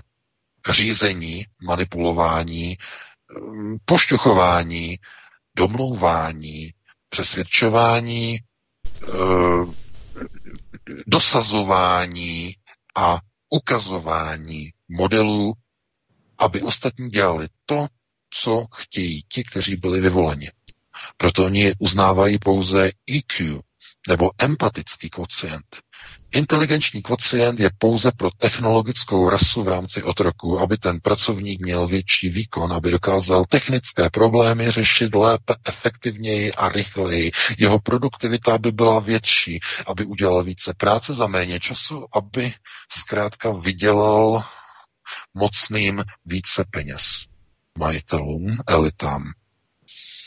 Proto se dívejte, jak jsou všechny ty soutěže, kdo má vyšší IQ, on má vyšší IQ, no, on je chytrý, on je IQoň, to je IQáč, je, ten má vysoké IQ. No, ale jak je potom na tom třeba ve svém životě? Jak je na tom s penězma? No, žádná sláva, no. Hm. Hmm. Protože IQ ty peníze nevydělá. Hmm. Tajemství je právě v empatickém kvocientu donutit ostatní lidi, aby dělali to, co vy chcete, aby přijímali vaše rady, vaše příkazy, e, vaše systémy volení, vaše systémy řízení, dálkové působení, schopnost rozvíjení mozku na úrovni EQ, empatického kvocientu. Hmm. Takže... E, Máme další víte, telefon? Eh, to jsou zkrátka, jenom dokončím, že tohle to jsou zkrátka věci, eh, které hodně překračují rámec tady toho našeho pořadu. To by bylo na dlouhou diskuzi o tom, proč oni z jakého důvodu nepotřebují mít uh, vysoké IQ, když se narodí jako vyvolení do národa vyvoleného, proč z jakého důvodu, ale samozřejmě, že mezi nimi jsou i vybrané elity, vybrané, vybrané jedinci, jejichž IQ je naopak extrémně vysoké. Extrémně. Hmm. Jako případě například, eh, například Oppenheimera, eh, který vymyslel vodíkovou bombu a eh, termonukleární reakci a tak dále a tak dále. Zkrátka, něk- někteří z nich jsou výjimečně postavení, ale hm, ta výjimečnost spočívá většinou v tom, že v každé společnosti, v každé rase jakkoliv je zdegenerovaná nebo jakkoliv je vyspělá, si najdou černé ovce anebo bílé ovce. Podle toho, jak se na ně díváte. Zkrátka i mezi uh, stádem bílých oveček se najde jednou za čas jedna černá, výjimečná. A i mezi tygry se čas od času místo pruhovaných tigrů narodí takzvaný albín, který je naopak úplně bílý. To znamená, jsou to výjimky. No ale tyhle ty výjimky většinou mají některé e, schopnosti, některé výjimečné věci dokážou a tak dále a tak dále a oni toho umí výborně využít. Ale zkrátka pravda je taková, že oni pro budování systému používají bílou rasu, goje, s vysokou e, inteligencí, s, vysoký, s vysokým inteligenčním kocientem, aby vydělali peníze, aby dokázali ovládnout masy chytré lidi, takzvaně se tomu říká, nakupují chytré lidi, aby dokázali jim řídit jejich procesy na nižších úrovních, ale než je pustí k řízení, tak je musí zasvětit v rámci jednotlivých svatav, aby jim sloužili, aby jim slíbili věrnost. To, je, to by bylo se na jinou diskuzi. Zkrátka, eh, empatický kvocient a inteligenční kvocient jsou dva různé světy pro dva různé národy, z nichž jeden byl vyvolen a ten druhý ten má roli pouze otroku, když to takhle zkrátím. Takže musíme to, musíme to uzavřít a pustit hned dalšího. Dáme do... další telefon. Doufám, že tam posluchač vydržel. Hezký večer. Jste ve vysílání, můžete. Uh, dobrý večer. Dobrý večer. Uh, tady Tande Skladna, mohl bych se zeptat trošku malinko odbočím, protože takhle, no tak moc odbočení není, ale i tak je to trošku malinko mimo. Já si myslím, že zase tak ne, on pan K. by věděl, ale prosím vás, jak třeba e, přišel pan Petr Janda e, na, e, na texty třeba u dvou písniček, jako je Laboratoř a Prázdniny na zemi, který dneska se vůbec nehrajou samozřejmě, a už sám název skupiny Olympik je zajímavý, tak jenom tak e, nějak No, děkuju. Necháme to moment, takhle, Moment, moment. Možná, pane Stando, možná bychom mohli upřesnit, o čem ty texty pojednávají, kdo to nezná, jako třeba my, nebo já nevím, jestli Pavle... Já taky nevím právě. No, taky, já, taky. já mám obavy, jestli plete pán Petra Jandu s Jakubem Jandu. Laboratoř to byl samozřejmě, o čem texty pojednávají, tak dobře, tak dejme tomu právě přesně o tom, co dejme tomu já jsem ještě nečetl knihu, já ji ještě nemám od pana VK, ale e, něco, řekněme, pan Souček by byl nadšen, jo, e, taky už je po smrti samozřejmě jako pan spisovatel, no, jenom tak mě zajímají souvislosti, jestli... No ale já, pořád neznám. Já to zkrátím, já to zkrátím, mm. já vám odpovědět nemůžu, protože já tady ty dvě písně neznám. Kdybyste se zeptal mm. třeba na některé ty jejich hitovky od Olympiku, mm. například eh, zase, no, kdybyste mi to pustili, tak to vím, a zase podle názvu to neznám. No ty hitovky, Pavle, nebo Vítku, ty hitovky, jak se to jmenuje, vodních, no. Takhle, protože tam jsou docela zásadní texty právě k tomu všemu, o čem se tady jako bavíme, jo, kolikrát, takže je to ještě, zásadní. Ještě jednou ty názvy. Jak mohli v 80. letech eh, ty texty, jakoby, jak to mohli vygenerovat, jakoby, jo? Ale laboratoř, zkus najít uh, ještě, do videa laboratoř. Text, ještě jednou názvy mm-hmm. těch mhm. písní, prosím. Laboratoř, zkus najít laboratoř. Laboratoř a co ještě? Ještě říkal tu druhou? Prázdniny na zemi. Tam prostě to jsou texty, které dneska, eh, když si to člověk veme zpětně, tak je to prostě něco, co až nechápete. S prominutím, omlouvám se, jestli teda to, ale eh, je Říkej, to, že ty texty mají zaj, zajímavé, no. Velmi zajímavé vůči, ano, ano, ano, takhle. Dobře. Hmm, tak fajn, A jinak moc. budu se těšit, jestli, do videa, ano, budu, do videa. Se těšit, hmm. budu se těšit samozřejmě u Stříbra. Jo, jo, jo, jo fajn, díky moc, mějte se na své. Bezvaný, mějte se moc hezky, naschánou. Tak jo, na své. Tak já to tam zkusím se kouknout, laboratoř Olympik. Dobře. To, to nahodit, o čem ty texty jsou. Jo, jo. No, já už to vidím, já už jsem to našel, no. Už to vidím, no, i, no, píše tam zajímavé věci, no. To je, to je zajímavý text, rozhodně, já to jsem neznal, tu písničku vůbec. Já taky ne, vůbec neznám. No, když s ním oči přivírám, je před neony, to v mé hlavě, roztančí se elektrony, když spím, buňky dělí si mé chromozómy a pak, že prý tu nedělám nic. Když jim kolik reakcí se ve mně ztrácí a mám víc než na entou informací, tak dál mě chemie tu nutí k práci a pak, že prý tu nedělám nic, ať to zkusí laboratoř. Hm. No, tak pan Janda, nevím, ale pozor, jestli to byl pan Janda, anebo pan Chrastina, který psal texty. Text Zdeněk Rytíř. Zdeněk Rytíř. Zdeněk Rytíř, Zdeněk Rytíř, ano, ano. Takže pozor, eh, znovu, rozlišovat mezi interpretem a autorem. Mhm, Interpret je něco tak. jiného. Přesně tak. Takže možná, no a zde někdy tíř zřejmě bude mít nějaké informace, ten bude určitě mít nějaké zasvěcení, protože jak se dívá na ten text, tak no, tak on tam popisuje no, tohleto de facto syndikát popisuje, no. no. Od no, ano, popisuje v tom textu, opravdu si můžete najít. No, ale... takže to k tomu chceme vidět a ono to tam to tom bude, jo, zase, abychom nenadhodnotili. Právě, právě, já si myslím, aby tak nebylo. On tam přímo, on tam, on tam přímo sděluje elektrony a chromozomy, no to je přesně součást projektoru, no Mm-hmm. Takže, takže patří mezi ně, nebo jedním, no, nebo zná, je, je informovaný. No to je zajímavé, takže určitě děkujeme za, za upozornění, že i čeští umělci už tehdy měli tyhle informace, no. To je zajímavé, to je rozhodně zajímavé. A každopádně je to, je to jenom ukázka toho, že eh, na právě mediální prioritě, to znamená média, že je mnoho lidí, a pozor, zde někdy určitě nebude jediný, protože jedním z nich je i Karel Gott, který pouští v poslední době, nebo no, to není poslední doba, už někdy od 90. let velmi zásadní informace. Teď zase něco pustil, hele, teď zase něco pustil a už si říká, že zase nemocný, jo? už se tomu vrátilo prý rakovina. Už je, už, je, už, je, už je zase prý nějak, to, nějak zdravotně. Takže, takže vidíte, že oni ti umělci některý opravdu jako mají ty informace a pouze to ukazuje na to, že um, někteří, někteří vědí, no, někteří vědí více mm. než, než ostatní. No. Musíme, telefon. Poslat, nebo pustit do, do vysílání dalšího. No, dalšího ano, máme další telefon, takže paní no, vysílání, hezký večer, jste ve vysílání, mluvte. Dobrý večer. Tady posluchačka Hana, může už mluvit? Ano, jste ve vysílání, říkám. Já jsem se jenom chtěla zeptat, eh, co říká pan VK poslední dobou výrokům pana prezidenta eh, na adresu pana Petříčka, případně pana Hamáčka. Ono to skoro už dneska vypadá, jako by ho téměř teda adoroval, protože v podstatě vůbec neskritizoval ani podpisy teda všech těch paktů, které se teda vlastně vykonali díky panu Petříčkovi. A teď vlastně teda i to, co se vlastně teda dělo na ty Ukrajině, vlastně byl rozhovor teda samozřejmě s panem prezidentem teda v televizi a pan prezident ho teda samozřejmě teda ještě vlastně jako chválil za to, co a jak bylo. Děkuji mnohokrát, nashledanou. Nashledanou, díky. Je to no, další telefon, to, takže prosím chviličku. Já, no, rychle, no. Mm-hmm. Já jsem to neviděl. To bylo určitě u Soukupa na televizi na Barandově. Já jsem to neviděl, já se na to podívám. Um, no, že chválí, chválí.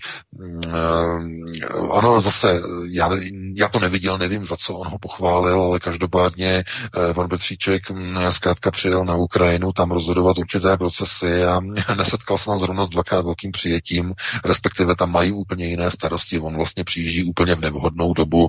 Na Ukrajině se schyluje k velkým volbám, parla- ne prezidentským volbám, eh, takže tam nemají čas na nějaké takové, řekněme, podpindos, aby jim tam jezdil seděli a něco říkali, ale eh, každopádně i Miloš Zeman zkrátka má, nebo vysílá někdy nějaké signály, které se musí rozebírat velmi hluboko, e, velmi silně a ne vždycky asi najdeme pro to nějaké normální vysvětlení a ne se vším určitě můžeme souhlasit. E, těch věcí je, je několik a e, jestli je to pravda, co paní říkala, znamená, že se zastává pana Petříčka, no tak nad tím bych měl teda opravdu velký otazník. To opravdu bych nevěděl, co si o tom myslet. Mhm. Dobře, takže máme další telefon. Hezký večer, Václave. Mimochodem další písnička skupiny Olympik. Tak pojdeme. Hmm, to je pravda. Otáz, otázky se to jmenuje. Tak prosím. Ano, otázky, ano. ano. Václave. No, dobrý. Eh, já zdravím pana VK, zdravím vás ve studiu, pana Vítka a tebe.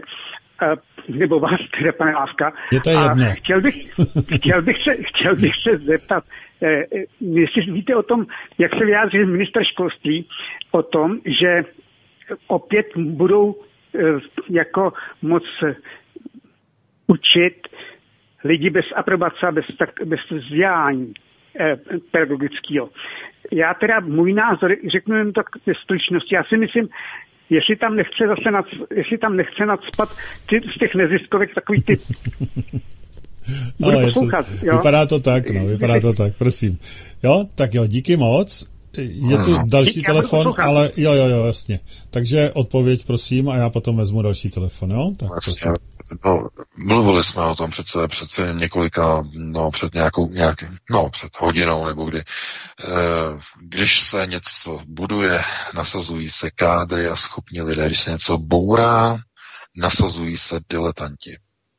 No a když chcete, aby proběhl proces simplifikace a degenerace ve školství, nasadíte do toho školství vystudované a prestižní kádry, anebo tam dáte někdo, někoho, kdo je přetrdílo, někoho, kdo je nevzdělaný, kdo nemá kádrovou, kádrové zasvěcení, kádrovou profilaci. Koho tam dáte? No dáte tam nějakého Nímanda, který je tam naučí něco, to základní, to elementární a ono to bude stačit. A potom zbytek si budou povídat o genderových studiích. Zbytek hodin vyučovací. Ale zkrátka, když chcete odstranit známky ze škol, je jasné, že tam chcete, že chcete odstranit i učitele.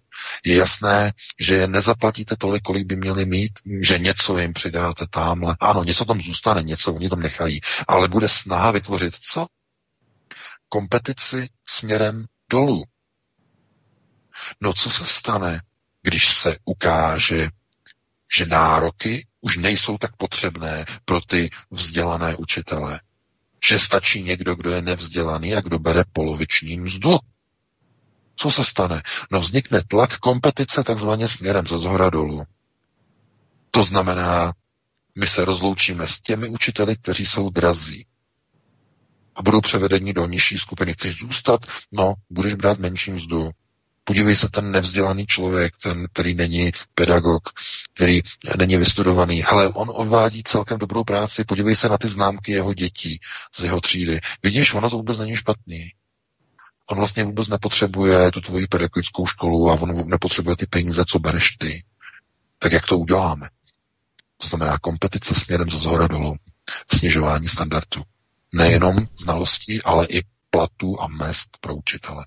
To znamená proces destrukce. Hmm. No, to je, to je síla. Další telefon, prosím. Takže jste ve vysílání, mluvte. Mohu? Ano, jste ve vysílání, říkám. Ano. Prosím. Dobrý večer, tichýho telefonu. Já uh, jenom jednu věc ještě, ano, dobrý večer, ještě jednou, jednou, jednu věc ještě k uh, panu Pavlu Krastinovi, jeho tvorbě. Pokud se někdo chce uh, trochu zopakovat jeho tvorby, tvorbu, které si skutečně jako je prostě potřeba vážit, ať si pustí mimo jiné třeba písničku s Bílé černou. Je s podivem, je to krátká písnička, ale je s podivem, jak je nadčasová Děkuju. Aha, to je fakt vlastně, no jo. Tak jo, díky moc. Takže to byl, to byl, ano, pan Tichý. E, no, Ono by se to možná mohlo ale říkat o mnoho dalších písničkách a dílech a doví se všechno. Prostě chceme to tak vidět, jak to tak vidíme, ale možná, že to tak bylo skutečně načasový.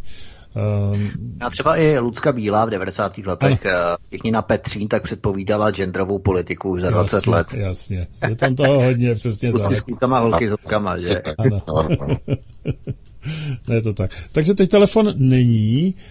Um, i nicméně, já jsem tady měl nějaký mail, který mi někam samozřejmě utek, to je normální.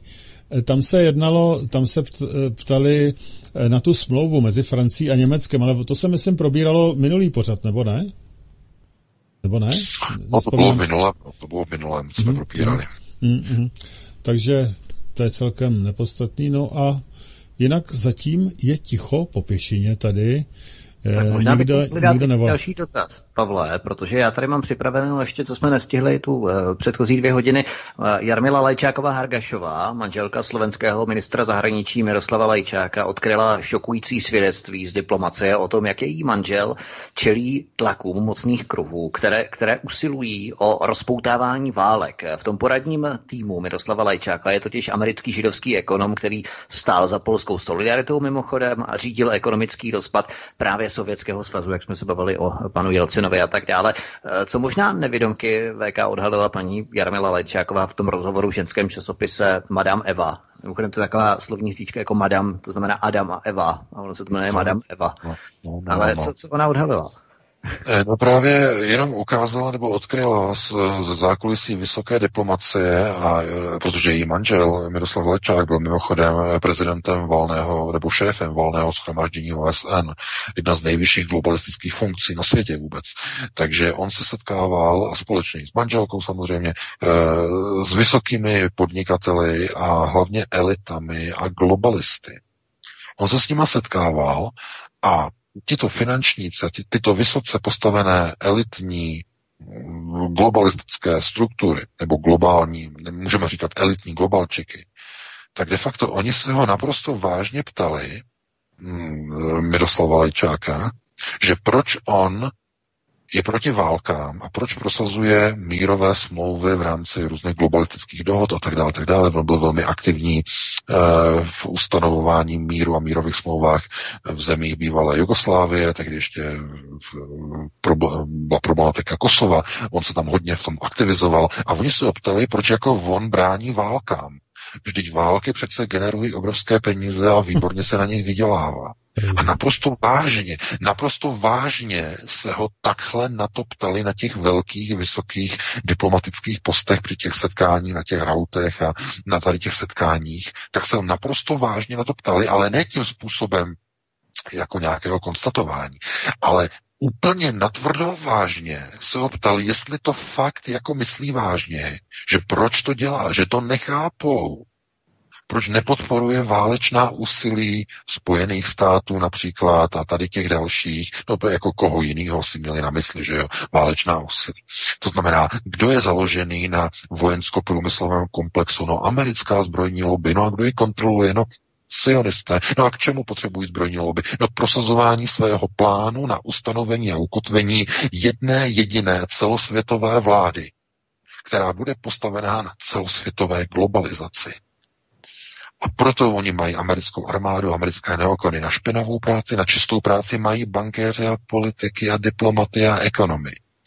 To znamená, mají, mají to ostré řízení, mají to, řekněme, tvrdé řízení vojenské, ale mají i to soft řízení, skrze různé zákulisní taktiky, diplomaci, skrze úplatky, různé přednášky, tady ti strčíme peníze, tamhle ti e, dáme eh, vzdělání zadarmo na prestižní škole, tamhle ti dosadíme do štědře sponzorované neziskovky s rozpočtem přes několik miliard ročně a ty tam budeš prosazovat tyhle ty věci. A co já mám udělat?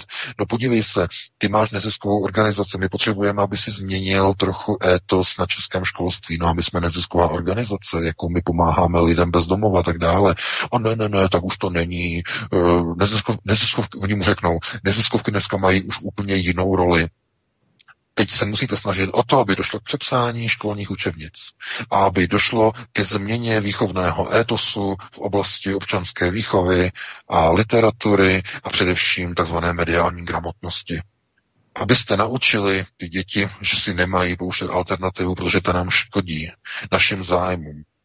Lidi přestávají číst naše tři hlavní sionistické informační outlety AP, AFP, Reuters, nosaté zpravodajské vysílačky. Oni nás přestávají číst. A je to stále více a více lidí, to musíte zastavit. A jak? No u dospělých lidí už to nejde.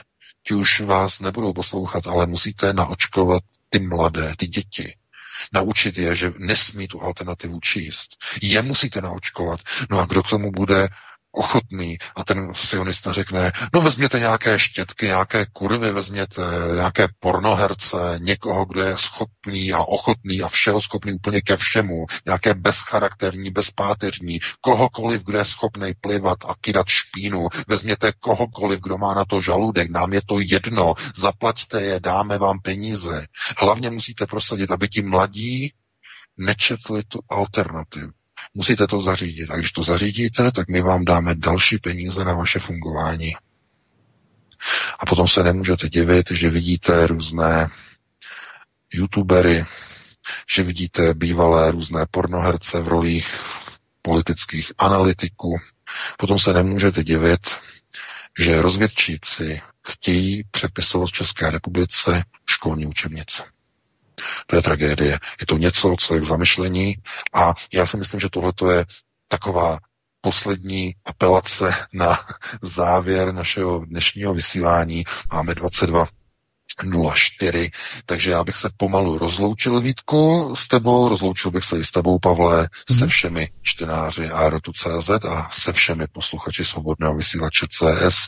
Uslyšíme se opět za týden v pátek od 19 hodin, respektive pár minutek po 19. a opět probereme všechna aktuální témata. Budu se těšit s vámi opět naslyšenou, takže přeji krásnou dobrou noc. Hezkou dobrou noc.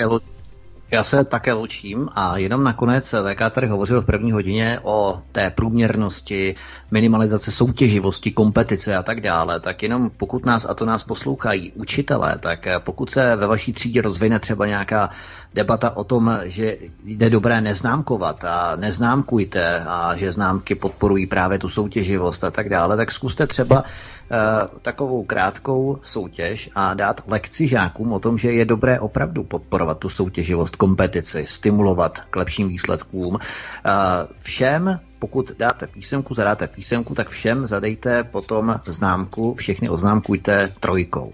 No a i ti jedničkáři, ti největší snaživci si uvědomí, že proč by se oni namáhali, protože ti jedničkáři mají stejnou známku stejně jako pětkaři. No tak potom příští už se nebudou tolik učit a dostanou dvojku. Ten průměr se zase sníží mezi trojkou a čtyřkou. No a zase si uvědomí, proč by se snažili, vždyť přece všichni to mají úplně stejně, no tak budou se učit ještě méně a ještě méně, protože ti flákači dostanou stejně tak, jako ti jedničkáři, ti snaživci. No a v podstatě to se bude snižovat a snižovat to skóre, až potom dospějeme právě, že všichni budou mít za pět, protože nikdo nebude mít žádnou motivaci a stimul se snažit. Takže snažme se, čerpejme informace, uh, analyzujme a snažme se skládat si kostičky souvislosti dohromady tak, abychom právě podpořili alternativu a alternativní média, jako je právě Aeronet a nebo Svobodný vysílač. To je ode mě všechno. Příští pátek se těším na slyšenou. Hezký večer, Pavle VK. Milí posluchači, mějte se hezky, příjemný večer. Ahoj.